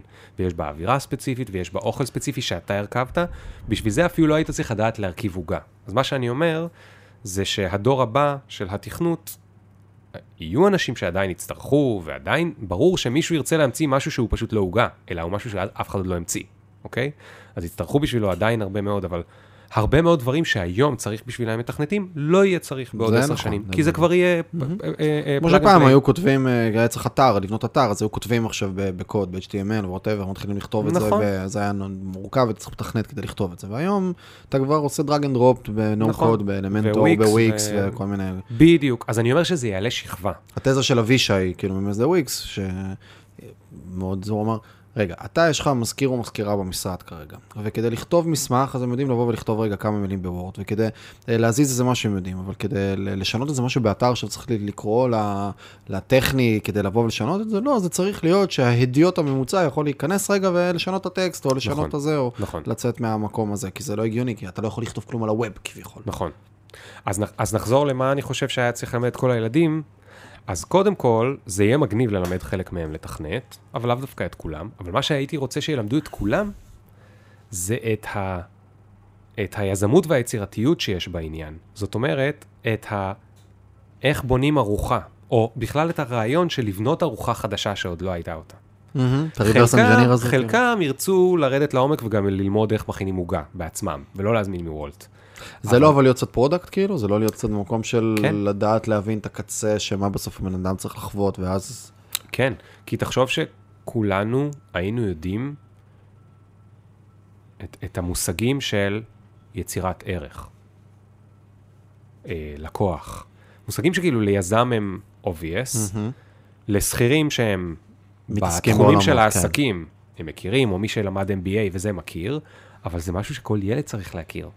מה זה לקוח? מה זה יצירת ערך? מה זה טרנזקציה? מה זה הדברים שהם כל כך פשוטים? רבאק, אתה יודע כמה שנים לקחת שאני הבנתי מה הם? אפשר אבל ללמד את זה? בטח. מבלי לחוות את זה? לא, אבל הם, חווים, הם יכולים לחוות את זה. כי הבת שלי היא עוד לא בת שלוש, והיא עכשיו אה, משחקת עם החברה שלה במשחק דמיון, שבו יש להם בית קפה. טוב, הן גדלות בתל אביב, אז זה מה שהן מכירות, בית קפה. הן לא משחקות שיש להם יער. אה, אז הן משחקות בבית קפה, והן שם מתחילות לעשות טרנזקציות. בכל זאת, ילד- היא ילדה של היפסטר, זה לא היפסטר תל אני אביב. כבר לא היפסטר, אבל... אבל... והן יכולות ללמוד מה זה טרנזקציה, ואני הולך ללמד אותה את זה, פשוט כי, לא כי אני חולם שהיא תהיה יזמית, וזה, כי זה פשוט נראה לי הגיוני שאני אלמד כן. אותה מה זה, אה, ער- מה זה, עכשיו אפשר להגיד, זה ללמד אותה כסף, אבל כסף. הרי זה האמצעי, זה לא העניין. העניין הוא מה זה ערך ומה זה ליצור ערך. עכשיו, מה הורג אותי? ש... אוקיי, הנה משהו לדוגמה שההורים שלנו לא היו צריכים ללמוד, או היו קצת צריכים ללמוד, ואצלנו חייבים ללמוד. בדור שלנו, או ניקס היותר זקן אצלך בטוח, חייבים ללמוד. מה השווי שלי בתור שכיר? בואו נדבר עכשיו על שכירים. מה השווי שלי לחברה? מה הערך שאני יודע לייצר בחברה? ולפי זה להבין כמה אני חשוב, ואם אני לא מספיק חשוב, איפה יש מקום אולי 15 מעלות הצידה או 40 מעלות הצידה, שבו אני עם היכולות שלי יכול לתת יותר ערך לחברה, ולכן גם ישלמו לי יותר, אולי יקדמו אותי וכולי. התובנה המפגרת הזאת, היא באמת, היא מפגרת. אני מתבייש שלא הכרתי אותה בתור uh, ילד, מתבייש שלא לימדו אותי אותה, לא הסבירו לי את זה. כי מה זה היה? כי מה היה בדור של ההורים שלנו? אתה הולך, אתה לומד איזשהו תואר במשהו, לפי התואר הזה בערך אתה מתקבל לאיזושהי עבודה, וזהו, אתה מתקדם בה. המעטים ביניהם היו אסטרטגיים, והם הגיעו למעלה, השאר עבדו מאוד קשה, אז התקדמו קצת, לא יותר מדי, כי אתה צריך... קיבלו קביעות. קיבלו קביעות, ואחרים איכשהו זרמו, היו מספיק חרוצים, קצת קידמו, היו לא, זה... אבל זה לא היה את התובנה הזאת. היום אנשים כל הזמן עוברים עבודות, או הרבה יותר עוברים עבודות. או בתוך, גם אם הם ממשיכים לעבוד במייקרוסופט, אבל הם עוברים בתוך זה הרבה מאוד אה, חברות. הם צריכים להבין מושגים שהם בסיסיים בעולם העסקים. מה הערך שאני מביא? אני איש מכירות, אז אנשי מכירות דווקא קצת יודעים, בגלל העמלות. אבל נתחיל להגיד מאנשי מכירות. אני איש מכירות, אוקיי. אני מוכר ככה וככה וככה בחודש, כמה זה מתוך המחזור של החברה? אז רגע, האם פתאום גיליתי שאני יודע להביא אחוז מההכנסות של החברה? איזה מטורף. רגע, למה הם לא נותנים לי אחוז מהחברה? אה, אוקיי, כי יש פה גם את החבר'ה עם marketing שעובדים, ואת החבר'ה עם product שייצרו את ה-product, בסדר, אז אולי אני לא שווה אחוז, אולי אני יכול משהו אחר. אבל יש לי עכשיו רעיון, אתה מכיר את אלה שנכנסים למשרד, אתה גם, יש לך עובדים, נכון? אז אה, אולי אה, אופק פה נכנס, עושה לפעמים את זה. יש לי רעיון לעשות טה-טה-טה-טה-טה. בכלל לחשוב על רעיון, אם אני מבין את העניין הזה שאני היום מכניס אחוז אחד מההכנסות של החברה, ועכשיו יש לי רעיון, אני יכול מיד למדוד את הרעיון הזה. האם הרעיון הזה שאני מביא, הוא יעזור אולי להכפיל? אולי אני אצליח להביא 2x? אולי אם הרעיון שלי יתממש, החברה תוכל להביא הכנסות שהן כפולות בחודש הבא? עכשיו, לך זה obvious, זה ברור כל החשיבה הזאת, אבל אתה לא זוכר איך זה ברור. להיות שכיר. בתור שכיר, אף אחד לא חושב על זה. מה הוא חושב? אני בא לעבודה, יש לי את המשימות שלי. מה אני עושה היום? את המשימות שלי. אני עובד ב-marketing, אני ב-social. מה אני עושה? אני צריך להביא לייקים, או אני צריך להביא... כן. אתה ברזולוציה גבוהה ואתה בזום. אני לא חושב על אה, איך זה משפיע על החברה, ואיך זה יכול לשנות את ה... פה אני כן שם הערת אזהרה קטנה, כי צריך לשמור פה גם על צניעות. כי אתה זרקת את זה בין השורות בקטנה, של אה, זה כאילו נורא ברור עכשיו, כן, שהוא אומר, כן, יש גם את ה-marketing אבל, וגם יש את ה-product, יש גם את הפיתוח, וגם יש את הסיכון בהתחלה שהבן אדם לקח כדי להקים את הדבר הזה, והיום שזה כבר אינרציה, אז טיפה יותר קל לייצר זה, וכמה אני גם רפלייסבילי בתוך התהליך הזה של סבבה שאתה יוצר אחוז בהכנסות מהחברה, אז אני אביא מישהו אחר שעושה 0.8 אחוז כן. מהמכירות של החברה, אז אל כאילו, כן. צריך גם להיות, אחד, לשמור על צניעות, ושתיים גם, לנס... לפתח את היכולת האמפתית הזאת של להבין רגע איך הבן אדם בצד השני, שהוא המנהל שלך, ראש צוות שלך, נמצא בתוך הזה שלך, מסתכל על הדברים, והאם באמת הvalue שאתה חושב שאתה מייצר, אתה באמת מייצר לא, אותו. זה משהו אחר. ויש מסכים, פה אני עניין מסכים. של לייצר, כי יש הבדל, אנשים לא מבינים הרבה פעמים, מה ההבדל בין להיות שכיר, שמגיע, ויש לו משכורת, ויש לו איזושהי ודאות מסוימת בחיים, לעומת מישהו שלקח את כל הריזיקה בלהקים את הדבר הזה, את המערכת הזאת שאני נמצא בתוכה, שוואלה, היה גם אה, אני, כשהקמתי. את ה- אז עכשיו יש פה 50 אנשים שמסתובבים, סבבה, אבל כשהקמתי את הדברים האלה, היה לי חודשים שלא לקחתי משכורת. היה לי חודשים שלא ידעתי איך אני מביא משכורת לעובדים. היה לי חודשים שהייתי בסטרס, כאילו, אני זוכר איזה רגע אחד נורא ספציפי, שנסעתי למשרד בשתיים בלילה, פשוט ישבתי עד שבע בבוקר על אקסלים בכלל, להבין איך אני מייצר איזה משהו יצירתי כדי לשרוד את הזה, ישנתי על הכיסא שעה ואמרתי בוקר טוב לישיבת צוות בשעה תשע. כאילו, זה, זה, זה משהו אחר, וצריך גם, בסוף זה ריסק ריוורד כזה בהקשר הזה, שהרבה פעמים לא מבינים את זה, וצריך גם לשמור פה, החוצפה היא טובה ונכונה, אבל היא חייבת לבוא עם צניעות ועם אמפתיה, והבנה רגע של מה הצד השני חווה כדי לבוא ולבנות וליצור כן, ולעשות כן. בתוך אותו הקשר. נכון. וזה השלב השני. אני, אני מסכים. בשלב הראשון, אני מדבר על זה שאנחנו בכלל, או רובנו, לא מבינים בכלל את המקום שלנו בתוך המשחק הגדול. אנחנו לא מבינים את המקום שלנו בתוך החברה. לחלוטין. אנחנו פשוט באים ועושים משימות. אמ, ואז, לטובה ולרעה, קשה לנו להבין את הערך שלנו. זה יכול להיות גם ל- לרעה, אם מישהו עף על עצמו יותר מדי, כן, כמו שאתה נתת דוגמה. חלון ג'וארי כזה של אתה תקוע בחלון העיוורון, אתה לא מבין איפה אתה נמצא. אבל זה גם... דיברת על ניהול קריירה, אסטרטגיית קריירה. אם אני לא מבין מה הערך שאני מביא, אני יכול להיות גם מאוד... קודם כל, אני יכול להיות הרבה יותר בתחושת מגיע לי, אוקיי? מהמם, על מהמם. כלום. נכון. נגיד, סתם, משפט מפגר, אוקיי? איזה חארות, אני לא מאמין שהם פיטרו אותי. למה הם פיטרו אותי? החברה גייסה לפני חודש, למה מפטרים אותי? איזה בני זונות הם, אה, לא יודע מה, ואוקיי, והוא חושב עליהם, נגיד שכל מה שהם, אה, זה, הם רוצים להרוויח יותר על חשבונו, ובגלל זה הם פיטרו אותו. זה מגיע מחוסר הבנה גמורה בעסקים, כן. אוקיי? יכול להיות שהם גייסו יותר כדי להיכנס לשוק האמריקאי, ואתה אחראי על לונדון, והם פיטרו אותך כי הם סוגרים את לונדון. ויכול להיות שהם פיטרו אותך כי אתה לא מספיק טוב. ויכול להיות שהם פיטרו אותך מאלף סיבות אחרות, אבל כש, כשאתה לא מבין את הדברים האלה, אז אתה מאשים, אתה יודע, זה כמו שמישהו הולך לקבל אה, משכנתה מהבנק, והבנק מבקש ממנו, לא יודע מה, ערובות וזה וזה וזה. החארות האלה, החארות האלה, מה הם רוצים וזה וזה. ומי שקצת מבין במשכנתאות בסיסי, כן. ובעולם העסקים אומר, היי חמודי, הבנק עכשיו נותן לך מיליון שקל שאין לך. כדי לתת לך מיליון שקל שאין לך וגם לא יהיה לך בעוד עשר שנים, כדי לתת לך אותם, הוא צריך כל מיני דברים כדי להגן על עצמו. עכשיו, יכול להיות שהוא חרא, ובגלל זה הוא לוקח לך עמלה של 3,000 שקל במקום מה שהיה צדק והיה 2,000 שקל.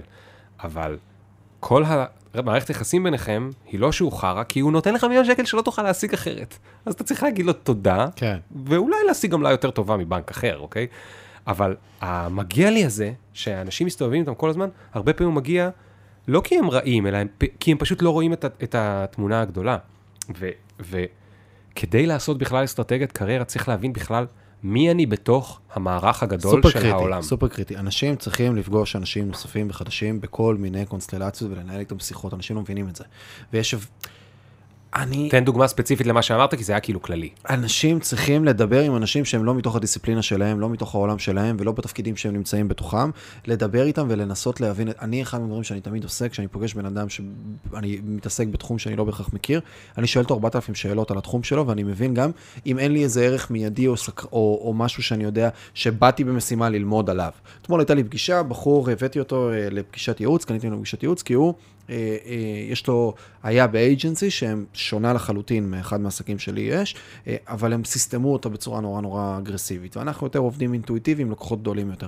הבאתי אותו, קניתי ממנו ייעוץ, למה כן צריך את הידע הספציפי שלו כדי לבוא ולקחת מזה פרספקטיבה. אני עושה את זה כל הזמן, כל הזמן קונה ייעוץ, אומר לאנשים שלא בהכרח מוכרים, קונה מהם כזה. אבל גם כשאני פוגש בן אדם עכשיו, שהיה אה, מנהל אה, אה, סיכונים בבנק דיסקונט, אז אני אדבר איתו עכשיו, ואני אשאל אותו 4,000 שאלות על איך הם עבדו, ואיך הצוות היה בנוי, וכמה אנשים בפנים, ואיך קבלת ההחלטות הולך, ומה זה אומר ניהול סיכונים, ועכשיו שאתם אה, באים ושמים, אז כמה אחוז אתם מוצאים לדיור, וכמה זה, ומה, ומה עומד מאחורי, אני אשאל המון המון שאלות, כי עצם התשובות ועצם ההבנה של איך עכשיו הבנק עובד בניהול סיכונים שלו בתחום הדיור, נותן לי פרספקטיבה לעולם, כן. וזה מייצר לי אחר כך אימפקט בכל מיני אזורים אחרים ועוד נכון. כל מיני נקודות. ואחת מהסיבות שלי לפודקאסט הזה, ולמה לא הפכתי אותו לנרו ניש, כי הרבה יותר קל לבנות פודקאסט שהוא נרו ניש, לבנות אודיאנס ודברים, אחת מהסיבות זה כדי לאפשר לעצמי את הפלטפורמה הזאת של להביא לכאן אנשים שידברו איתי על פיזיקה קוונטית, ולדבר לכאן, ולהביא לכאן אנשים שידברו איתי על עסקים, או על עולם הבידור, או על עולם האתלטיקה הקלה, או, או שייט. כי כל דבר כזה בסוף מביא לי עוד איזשהו גירוי מסוים לדברים שאני לא בהכרח... יודע או מכיר ב-day to day שלי, ופותח לי את הפרספקטיבה בסופו של כן, דבר כן. ל-day to day, בהבנה הרחבה. אז אני חושב שפיתחתי skill היום, שבלא הרבה זמן ובאינטראקציה עם בן אדם, אני יודע נורא להבין את מאחורי הקלעים או דרך חשיבה בצורה מסוימת, וכמובן בצניעות. זה. כאילו לא הדבר האינטואיטיבי, כי הדבר האינטואיטיבי זה אוקיי, אם הוא מהדומיין שלי, אם הוא, נגיד אני איש שיווק והוא איש שיווק, אז אני עכשיו אתעניין כי אולי אני אלמד משהו. אבל מה שאתה אומר זה, תעשה את משהו לא אינטואיטיבי. אתה פוגש פסנתרן, אז תשאל אותו איך פסנתרן מתפרנס. ואיך אתה עושה את זה, לגמרי. ואיך אתה, אתה מממן את הנסיעה לזה, ואז אתה תגלה אולי שיש עולם שלם של מלגאות לאומנים מ, uh, מהברון דה רוטשילד, שמממן בכלל לאומנים, ואולי בכלל כדאי להיות, אני סתם אומר, אני לא מבין בזה כלום, אני ממציא, כן? אבל, ו, ותפגוש מישהו שהוא uh, uh, קבלן, ותגיד לו איך אתה עושה את זה, ופתאום הבן אדם הזה ידבר איתך על מינוף, ופתאום ייכנס לך לראש רעיון של מינוף, שלא היה לך בכלל בראש. לגמרי. עכשיו, זה לא משנה, אתה לאו דווקא תעשה מינוף נדל"ן, אבל פתאום אתה תחשוב, היי, יש דבר כזה שנקרא מינוף. מי דיבר על זה? וואי, אה, איך קוראים לה? אה, מי שהיה שותף, פרופסור ישראלי שהיה שותף לגילוי אה, ה-X, אה, אני לא זוכר את השם, הוא התראיין בפודקאסט של, אה, של Think and Drink עם ג'רמי פוגל, שג'רמי חולה עליו, גם היה פה, אז אחד מהדברים שם הוא אמר שהוא, כשהם עשו, אני לא זוכר את הפרטים המדויקים, אבל כשהם הם היו צריכים כדי לבוא ולהוכיח את הטענה שם, משהו על ה-X, אז הם היו צריכים, את התזה, אז הם היו צריכים לעשות איזשהו מחקר נורא נורא גדול לגבי דברים, ואז אה, הוא נזכר בספר מדע בדיוני שהוא קרא, ב- במקום לעשות אה, מיליון טסטים, ואז אתה צריך כוח עיבוד אה, משוגע של המחשב, זה ייקח 17 שנה עד שהמחשבים של היום ידעו לבוא ולעשות את זה, זה לקחת מדגמית מתוך המיליון אלף בפריסה מספיק רחבה, והאלף ייתן לך ברמת דיוק של 99 פסיק משהו אחוז, כן. וזה משהו שעשו בבחירת אה, קולות באיזה מדע, ספר מדע בדיוני, על איך עושים בחירות או משהו בסגנון. כן. וכאילו איזה משהו שלא קשור לכלום, פתאום לקח את הדבר הזה ועשה לזה את האלוקציה מהתחום, להכניס את זה לתוך הדבר הזה, כן. ודרך ה... וזה כאילו היה, סתם זה איזה קטע כזה, והוא דיבר שם הרבה על החשיבות של כמה חשוב לייצר פריזמה רחבה. עכשיו, זה בדיוק המקום הזה רגע של כמה אני רוצה להיכנס למשהו deep ולהיות expert ב-domain מסוים, בתחום מסוים, בתפקיד מסוים, בנושאים מסוימים, וכמה אני רוצה להיות wide enough כדי להמשיך לא להיתקע בתוך המקום שאני נמצא בתוכו ולראות רגע לצדדים. לבוא ולהיות מסוגל רגע לצאת ל-zoom out, לייצר את ה-detachment מהנקודה שאני נמצא בה, ולקבל עוד רעיונות, עוד דברים, לפתוח, כן. לייצר את היצירתיות, את כל הדברים. ואני, אני יודע נגיד שאני נורא נשאב לדברים. נורא נורא נורא נשאב לדברים. אז כל הזדמנות שיש לי שהיא אה, אה, לבוא ולפתוח טיפה את הפריזמה, שם קוד הפודקאסט הזה הוא אילוץ חיצוני עבורי, הוא קונסטרנט, שאמור לבוא ולתת לי לדבר על נושאים שאני לא בהכרח מדבר כן, עליהם, או כן. אנשים שאני לא בהכרח הייתי פוגש. וכל מיני זוויות כאלה, כל הזמן לנסות להכניס את זה לתוך, ה, לתוך הדברים. אני חוזר רגע, חזרה אמרת שעם הזה. עשית, אתה מייצר מלא תוכן, נכון? אני שובר חייב. שנייה, כן. סיפור קצר, אבל שנורא קשור למה שאמרת. כשפעם ראשונה יצאתי... אתה מה- בעייתי, אני בשאלה הראשונה או שנייה שככה אמרת אמרתי לך, שנדבר עליה. לפני שהתחלנו, שאנחנו לא נגיע לאמצע. כן. אה, לפני ש... כשעברתי מהעתודה לאותה חברת הייטק, זה היה פעם, פעם ראשונה שהייתה לי עבודה של אה, גדולים. הייתי בן 27, משהו כזה, ומביאים לך את היועץ פנסיה. והוא אומר לך, אה, תשמע, זה, אתה תקבל חלק מהאחוזים של השכר, הולך לפנסיה, ואני צריך שתחתום לי פה שאנחנו הולכים לזה. אז כבר חשדתי בו. יועץ פנסיה, מה... והוא אומר לי, וכדאי לך ללכת ל... לא זוכר מה הוא אמר, נגיד מיטב דש. אמרתי לו, אבל למה? למה הם? כאילו, מה התנאים של האחרים? הוא אומר לי, עזוב, תאמין לי, בדקתי וזה וזה. בגלל שאני אדם חשדן, אז ישר אמרתי, טוב, כנראה שמיטב דש זה מי שמשלם לך את העמלות. אני לא רוצה. אז הוא אמר לי, תשמע, זה בעייתי, אנחנו את כולם מכניסים למיטב דש. אמרתי לו, אני לא רוצה, הלכתי לה עם הכספים, ואמרתי לה, תגידי, אני יכול אה, ללכת למי שאני רוצה? אז היא אמרה לי, "ב- לפי החוק כן, אבל תשמע, טה-טה-טה-טה, אמרתי לה, טוב, אז אני רוצה ללכת לעשות אה, זה. אז הלכתי שופינג. להתעניין בעולם הזה שלא הבנתי בו כלום. ידה ידה, אני אנסה לקצר, כי אני, כמו שאתה רואה, אני לא מצליח. מצאתי את עצמי במשרדים של הלמן אלדובי, קרן הפנסיה. השקעות. נכנסתי לכל ה... בית השקעות, אבל הם גם היו קרן פנסיה. אני חושב שהיום אני יכול להיות שכבר אין להם את הקרן פנסיה, אני לא זוכר. אלמן נקנתה. כן, משהו שם קרה. פניקס. אני לא זוכר.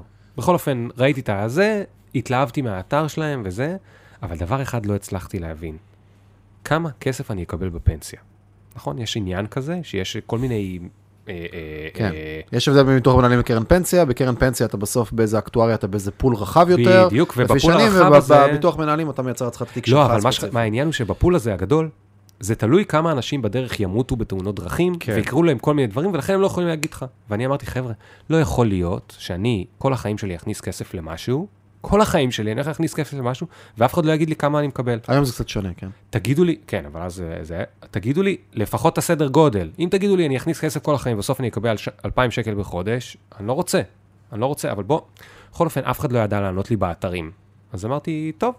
באותו זמן גם למדתי טיפה על הבורסה, והיה שם את הקטע של אה, משקיעי ערך של וורן באפט, שאומר, בסוף, אם אתה גבר, לך למשרד, דפוק להם בדלת, ותראה מי באמת מנהל את המשרד, ואתה תגלה אם זה חברת bullshit, כמו שקרה עם אנרון, שאין שם אף אחד בפנים, רק המזכירה האחת יושבת וזה, או שזה חברה אמיתית, תיכנס, תרחח, תבין וזה וזה. לקחתי ממנו את הרעיון, הלכתי למשרדים של אלמן אדובי. זה גבר אתה? אף אחד לא נכנס למשרדים, הרי זה כמו כן. המשרדים שלך פה, נכון? כולם בטלפון, כולם כן, באינטרנט, כן, כן, אף- זה- לא זה- מגיעים זה אורחים. לא משרדים של אה, ביטוס, כאילו, קבלת קהל. זה לא B2C בדיוק, זה לא קבלת קהל. הגעתי דופק בדלת, היי, מי אתה? אני מתעניין בקרן פנסיה שלכם. היא אומרת לי, אוקיי, הנה הטלפון, אני אומר לה, טלפון, הנה המשרד שלכם. אז היא אומרת לי, כן, אבל אין לנו פה, עכשיו זה היה ה-Headquarters, איזה קרן קטנה גם, בן כמה היית? אה, 26-7. זה קרן קטנה, אז עשית את זה מאיזה טעם? מה, להתריס? רציתי, לא. רציתי באמת שמישהו יגיד לי, שמישהו יראה לי את החישוב, כמה כסף זה אני אקבל לפנסיה. זה היה נדמה לי בפתח תקווה, יצאת באיזה life mission מוזרה לחלוטין. מה, הייתה לי שאלה פשוטה. אני אומר לך שתמיד הייתי ביקורתי. זה כאילו אתה איזה שאול אמסטרדמסקי, אחי, שרוצה לעשות איזה כתבה או משהו, כן, והולך לא ומתחיל לדפוק. לאנשים בדלת כדי לראות מה קורה שם. לה- הסנאים, אחי. אמרתי, אמ- אמרתי לה, תקשיבי, אתם חברה רצינית, בטוח יש פה מישהו שיכול לעזור לי. עכשיו, מסכנה, היא הייתה מנהלת משרד, היא הלכה לחפש מי מוכן לקבל עכשיו איזה ילד הזוי, כאילו, סליחה שאני אומר ילד, זה כמעט בגיל שלך, אבל אנחנו... ילד הזוי. בגילך הייתי... אני הילד הזוי. ב... לא, בגילך אני הייתי הרבה יותר צעיר ממך. אתה הרבה יותר מבוגר ממה שהייתי בגילך, אה, מבחינה מנטלית וניסיון. אז אמר, בקיצור, בסוף היא העמידה כן, אותי אני מול לא איזה הולך מישהו. ללמוד לדפוק לאלמנה דוד. בקיצור, היא, היא העמידה אותי מול איזה מישהו, והוא התחיל זה. עכשיו, אני כבר עשיתי את השיעורי בית, הנכנון, אני כבר הבנתי איך מחשבים את האקטואריה ואת כל הדברים וזה וזה וזה. הוא מתחיל לגמגם לי שם. אני אומר לו, אני חייב, אני לא יוצא מפה לפני שאתה נותן לי... בקיצור, בסוף לא שמתי עליהם את הכסף. גם לא הלכתי לאחרים, כי הבנתי שבכל מקום עובדים עליי. ואז הדבר הבא שקרה, זה שבגלל שכבר עבדתי בהייטק, רציתי להכניס גם כסף ל... אמרתי לך, אני הייתי צנוע, אז נשאר לי קצת חיסכון כל חודש, רציתי להכניס לבורסה. אז הזאת מהבנק, הייתי בבנק אוצר חייל, אמרה, וואי, אתה לא מבין, יש לנו פה יועצי אה, זה. עכשיו, אני הייתי כבר אחרי נורא. ארבעה ספרים של וורן באפט וכאלה. אמרתי, המשקיע הנבון וכאלה. בוא, כן, כן. בוא, בוא נבדוק מי, מי היועצי אה, בורסה החכמים. אני בא וזה, והוא מראה לי, והוא מנסה לעשות לי את הטריק, הרי יש לו טריק שם, אפרופו את מי המחשבים יחליפו. אותו הם בטוח, הבחור הספציפי שדיבר איתי, כנראה גם כל החברים שלו, אבל הוא ספציפי שדיבר איתי, היה לו שלושה פיצ'ים שהוא יודע בעל פה, בוא לא נקרא לו כן, יועץ, זה בוא נקרא לו. סיילס פיפל. עזוב, זה בנק אבל. לא. שיועץ משכנתאות הוא לא יועץ משכנתאות. אחר כך עשיתי את זה גם בלידר אה, השקעות הון, שאם יודע, אוקיי. יש להם סיפור רע בסוף, נגמר לא טוב, אבל אחר כך מיטב דש וזה וזה. אותו דבר, אותו דבר, באתי אליהם ואמרתי להם, בואו תספרו לי איך... והוא נתן לי את הפיץ', יש לו שלושה פיצ'ים, אתה רוצה סיכון גבוה, אתה רוצה סיכון נמוך, אמרתי לו, בסדר חמוד, אני יודע, זה, בוא תסביר לי מה, במה אתם משקיעים לי וזה, ומה העמלות וזה, זה. בשאלה השלישית הוא התבלבל. וזה עזר לי להבין שיש הרבה דברים שהסקרנות שאתה מדבר עליה, היא לא רק uh, לצורך הפריזמה, כן, היא כי באמת, מנגנון. רוב הזמן מחוץ לנו, יש כל מיני אנשים שנראים שהם מבינים מה הם, על מה הם מדברים, הם פשוט לא מבינים כלום. נכון. הם לא מבינים כלום. זה כל האינפלואנס של רוברט קלדיני, ובכללי, כאילו, כל הזה של כשאתה. כשנכנס מישהו, ביטחון והאופי שלנו הוא תלוי קונטקסט לחלוטין. אני חוויתי את זה עכשיו. הגעתי לבית משפט, אה, איזה תביעת ספאם סורגגת עם איזה משהו, הכי כאילו, אתה מגיע גוחך, בקיצור, אבל תביעת ספאם. אנחנו נכנסים לבית משפט, אנחנו מגיעים לבית משפט. עכשיו, אני פעם ראשונה שזאת בדרך כלל, כשהיה כל מיני כאלה קטנות ודברים וזה, אז אף פעם לא הגעתי לבית משפט. וזה אמרתי, אני בא לבית משפט על הדבר הזה, לא אכפת לי באתיקה, גם אם יותר כלכלי לי עכשיו לבוא וכאילו לסגור, אמרתי, אני הולך עד הסוף עם הדבר הזה. נכנסנו ל... אני מגיע לבית משפט, עכשיו פעם ראשונה שאני מגיע ל... ל... ופתאום אני, עכשיו אני ב-day to day, ואני לא אומר את זה כמחמאה, אני אומר את זה כפשוט ניתוח הכי אופיק, אני אלפא בהקשרים. כל חדר שאני נמצא בו, אני משתלט עליו. בקטע לפעמים לא, פחות טוב לפעמים, בסדר? אני קול דומיננטי, אני חכו לשמוע מה אני אומר בסוף, אני, כל חדר שאני, אני אתה גם בשליטה כועס, עליו. תראה אותך, אתה כועס. כן, אני ככה, אני כזה. אני כולי כועס.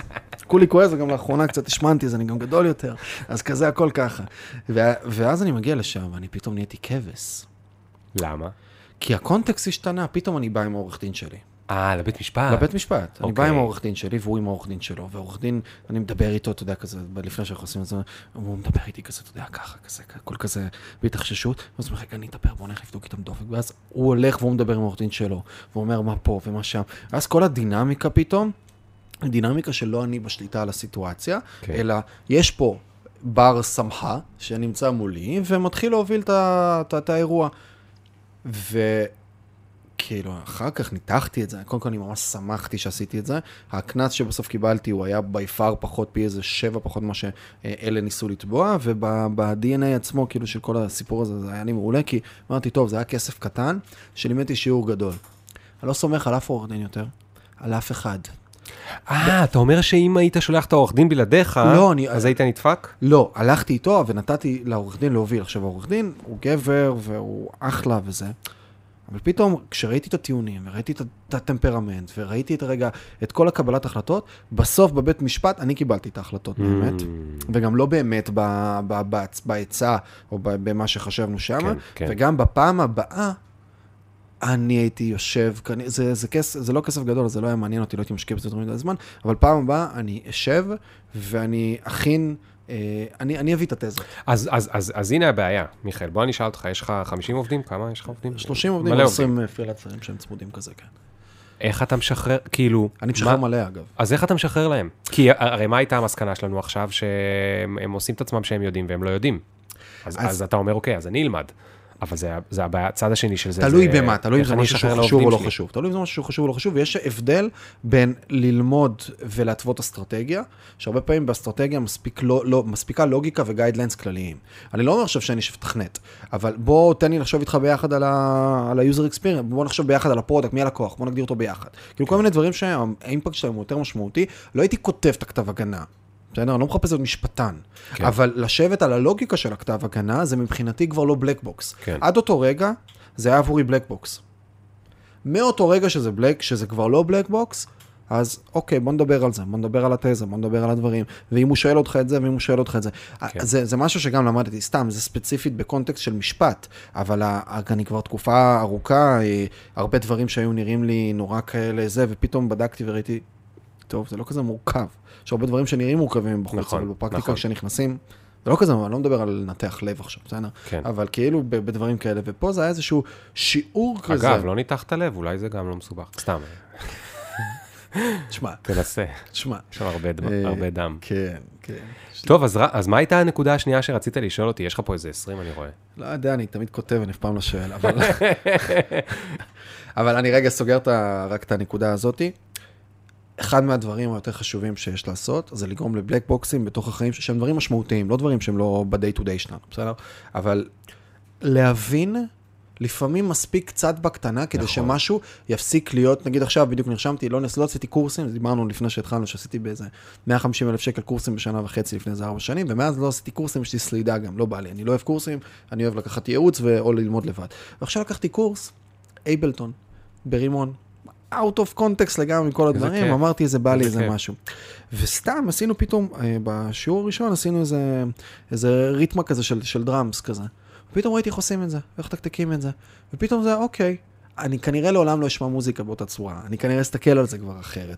מה זה מידי, ומה זה אודיו, ומה זה זה, ופתאום התחלתי לעבור איזשהו תהליך. אז זה גם משהו שבהמשך לאותה שיחה על הרחבת פרספקטיבה, אם אני עכשיו בעל עסק, ויש לי קמפיינר שעושה לי את השיווק, כן. מבחינתי אני רוצה להגיד לו, אחי, שב איתי חצי שעה בשיתוף מסך, ותראה לי רגע איך נראה קמפיין מבפנים, שאני לא אגיד קמפיין טוב, קמפיין רע, אני רוצה שתגיד לי מה רע בקמפיין.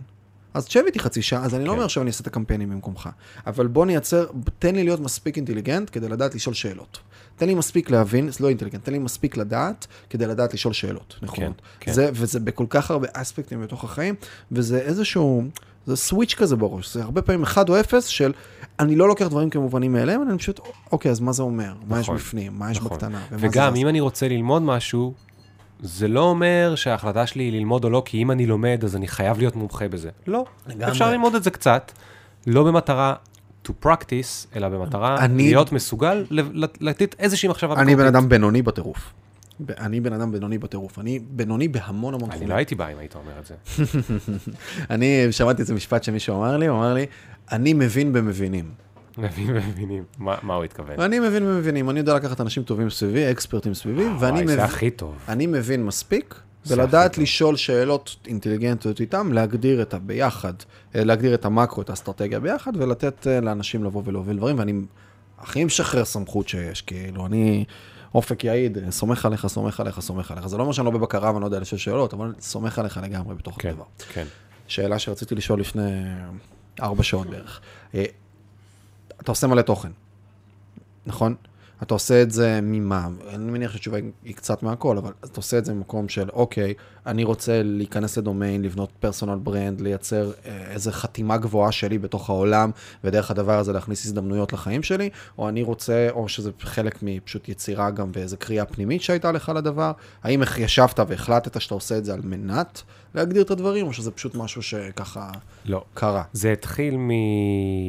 כי כתבת שני ספרים, יש לך בלוג כתבתי- שנים, האמת שכתבתי חמישה, אבל זה פחות כאילו... אשכרה. כי יש שלושה בספר- באנגלית. וואלה, מהמם. יש ספר ילדים אחד שכתבתי עם פסיכותרפיסטית. איזה כיף. זה קשור לפרויקט להתמכרות לסמארטפונים. שני ספרים בזמן ה nuSchool, אחד מהם עם שותף שלי שהיה. מטורף, להוציא ספר. זה אירוע, זה... אז חמישה ספרים, יש לך בלוג שכתבת המון המון זמן, יש לך ניוזלטר, יש לך היום, ניוזלטר חי עוד?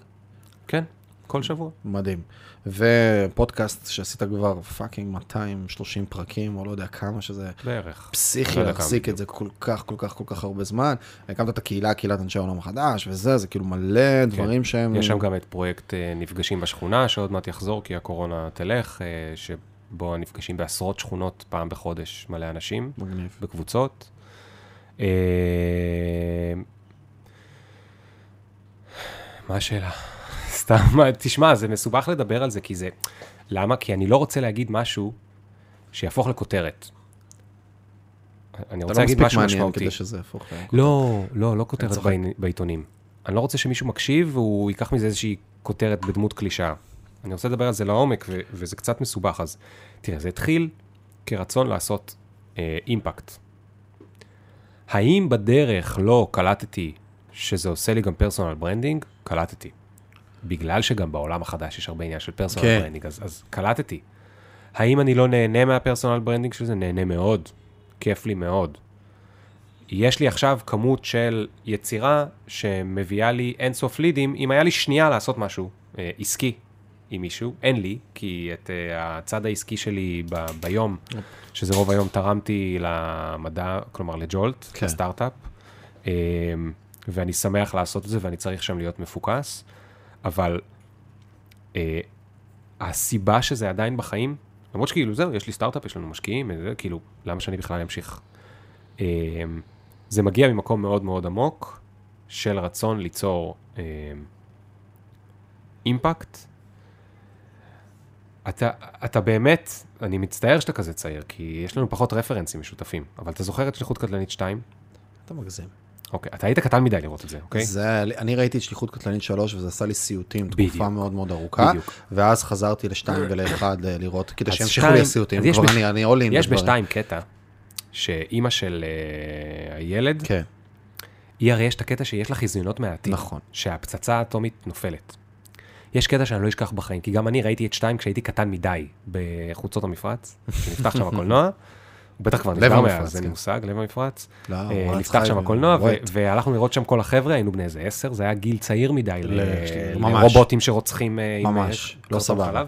בקיצור, יש שם קטע שהיא עומדת ליד גן ילדים, היא עומדת מאחורי השער, עם הידיים על הגדר כזאת, גדר רגילה שאתה חותך עם קאטר צריך, למה שתחתוך גדר, אבל תרגיש שאתה צריך. אמ, והיא מסתכלת עליהם, והיא רואה ילדים חמודים על הנדות, אבל היא רואה את הסוף. אז היא רואה שם פתאום את החיזיון, שהפצצת אטום נופלת, וכל הילדים הופכים להיות שרופים ושלדים, אוקיי? משהו שאתה לא צריך לראות בגיל 10. ויש לה קטע כזה, שזה הגדר, "נה!" עכשיו הילדים לא מבינים למה היא צורחת, כי הפצצת, היא לא נופלת שם, בחיזיון שלה היא רואה את כולם שם נשרפים כשהפצצה נופלת. יש דברים שיש אסימונים שהם, גם אסימון שנופל זה ביטוי ישן מדי, אבל יש, מה אומרים היום? לא משנה, יש אסימונים שהם נופלים לך, אתה לא יכול, לפחות אני לא יכול, שלא לרצות כל הזמן כאילו להעיר עליהם. וברגע שאני נוכחתי מה קורה בעולם החדש, אני לא יכול להפסיק לרצות לספר על זה כל הזמן. וכאילו אני מדמיין כל הזמן כמו כתמי דיו, אוקיי, אני מדמיין אנשים שעברו בג'ולט, או בלי קשר לג'ולט, שעברו בבלוג ובפודקאסט או בזה, והם מכירים פתאום והם מבינים מה האופציות שיש היום לבן אדם, וזה כמו כתמי דיו קטנים שמסתובבים להם בחברות ובכל מיני מקומות, והדיו לאט לאט, הכתם דיו הולך ומתפשט לאט לאט. כי הם יושבים שם עם מישהו בארוחת צהריים ואוכלים לו את הראש. ואז הוא מכיר את זה, ואז הוא בא והוא מדבר עם ההורים שלו, ופתאום הוא אומר להורים שלו, תקשיבו, תפסיקו לכעוס עליי שאני רוצה לעבור עבודה, זה מה שעושים בדור שלי. תפסיקו לכעוס עליי שאני אומר שאני רוצה לאהוב את העבודה שלי, כי מה לעשות, פירמידת מאסלו, בית נתתם לי, חינוך נתתם לי, בסדר, אולי לא הייתם עשירים, אבל זה, אבל זה נתתם לי, עליתי בפירמידת מאסלו, אני רוצה להגשים את עצמי, זה הדור שלי. ויש שם, ויש שם מנהלים שמקשיבים, ואני רוצה להגיד להם, אתם לא יכולים להיות בוסים בצבא, כי זה דור אחר, אתם צריכים להיות אמפתיים, אתם צריכים להיות קואוצ'רים, סליחה על המילה, כאל העובדים שלכם, כי זה מה שהעובדים היום רוצים, שיפתחו אותם, שיאמנו אותם, שיחסו אליהם כמו מישהו שרק רוצה להתפתח. אתם לא יכולים לכעוס על עובדים שלכם שעוזבים אתכם אחרי שנתיים, כי זה הסטנדרט, כי הם יעזבו אתכם אחרי שנתיים.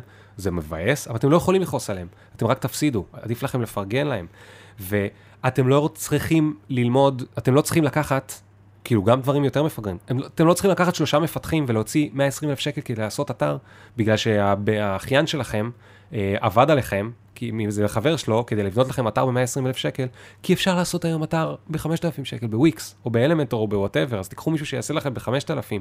זאת אומרת, יש, ואני יכול להמשיך באלף דוגמאות, כי אני אומר העולם החדש, אני מתכוון לאלף דברים שהשתנו, שנותנים הזדמנויות חדשות, ונותנים ראייה חדשה על העולם, ואחרי שאני ראיתי כאילו את ה... טוב, אצלה זה משהו רע, זה פצצת אטום, אבל כאילו, אני ראיתי את האור ההוא, כי הייתי פרילנס, תוך כדי שאני סטארט-אפיסט, תוך כדי שאני... הייתי בטוח שהעולם יקרוס, כי לימדו אותי שאתה חייב לעשות רק דבר אחד, mm-hmm. ופתאום עשיתי חמישה, ולימדו אותי שאסור לך להחליף מקצוע, ואסור לך לזרוק לפח את מה שלמדת באוניברסיטה, ואסור ואסור ואסור, וכל פעם עשיתי עוד משהו אחד כזה, והעולם לא קרס. לא רק שהעולם קרס, אתה יודע מה הדבר הכי מצחיק? לאף אחד לא היה אכפת. בדיוק. לאף אחד לא אכפת.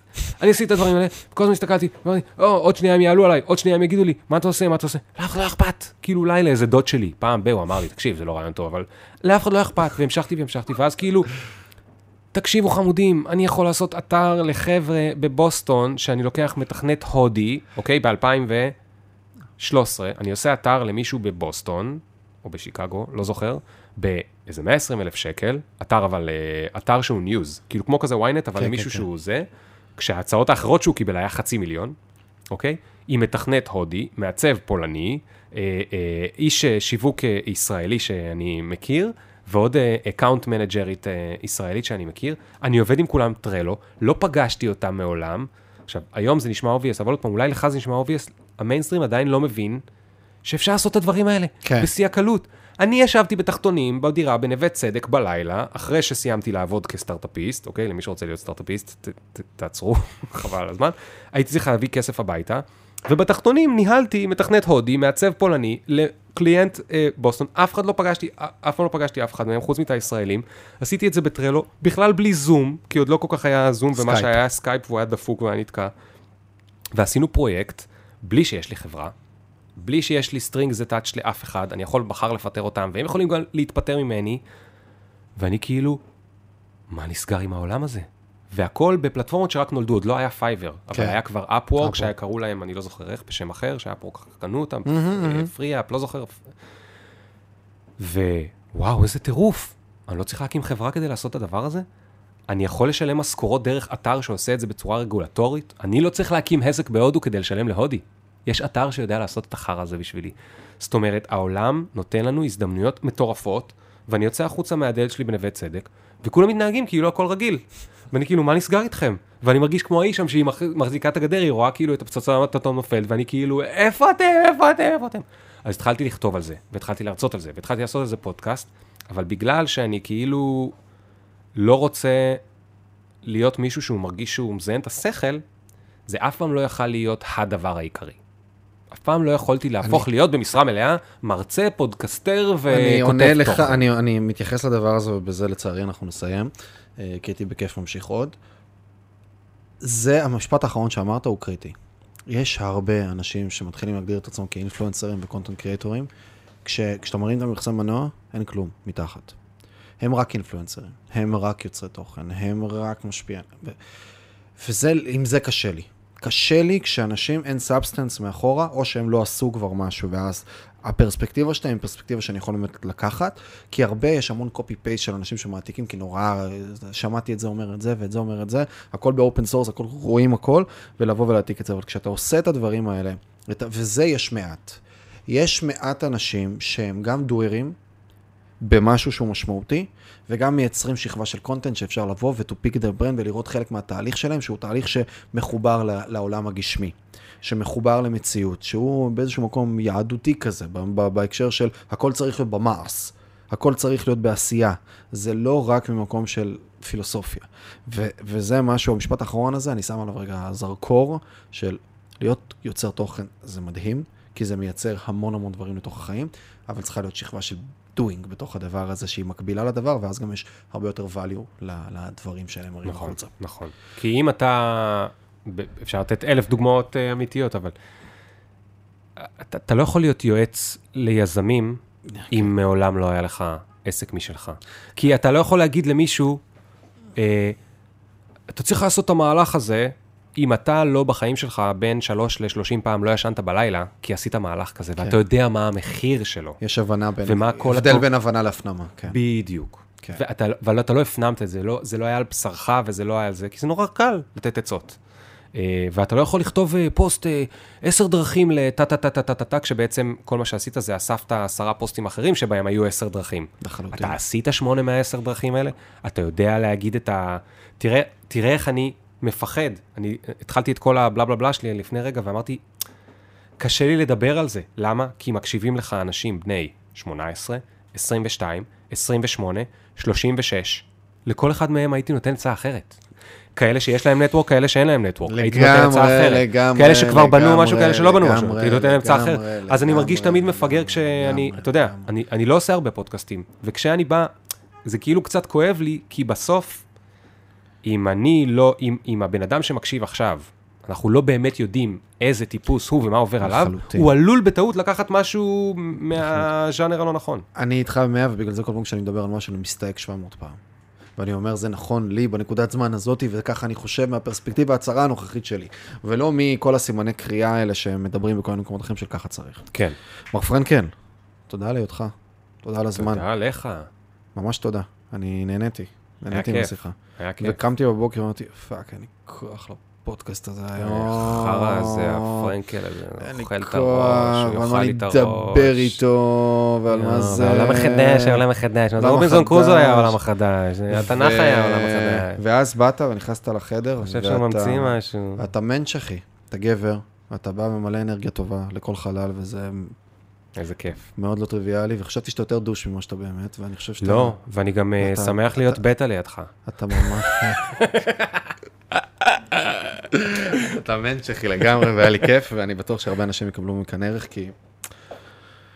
פותח את הדעות, וגם בוא נגיד, אפילו אני שכאילו, אני חי את העולם החדש, העולם החדש, זה, כן. אני, וגם יש לי קושי עם סיסמאות וזה, אבל כן.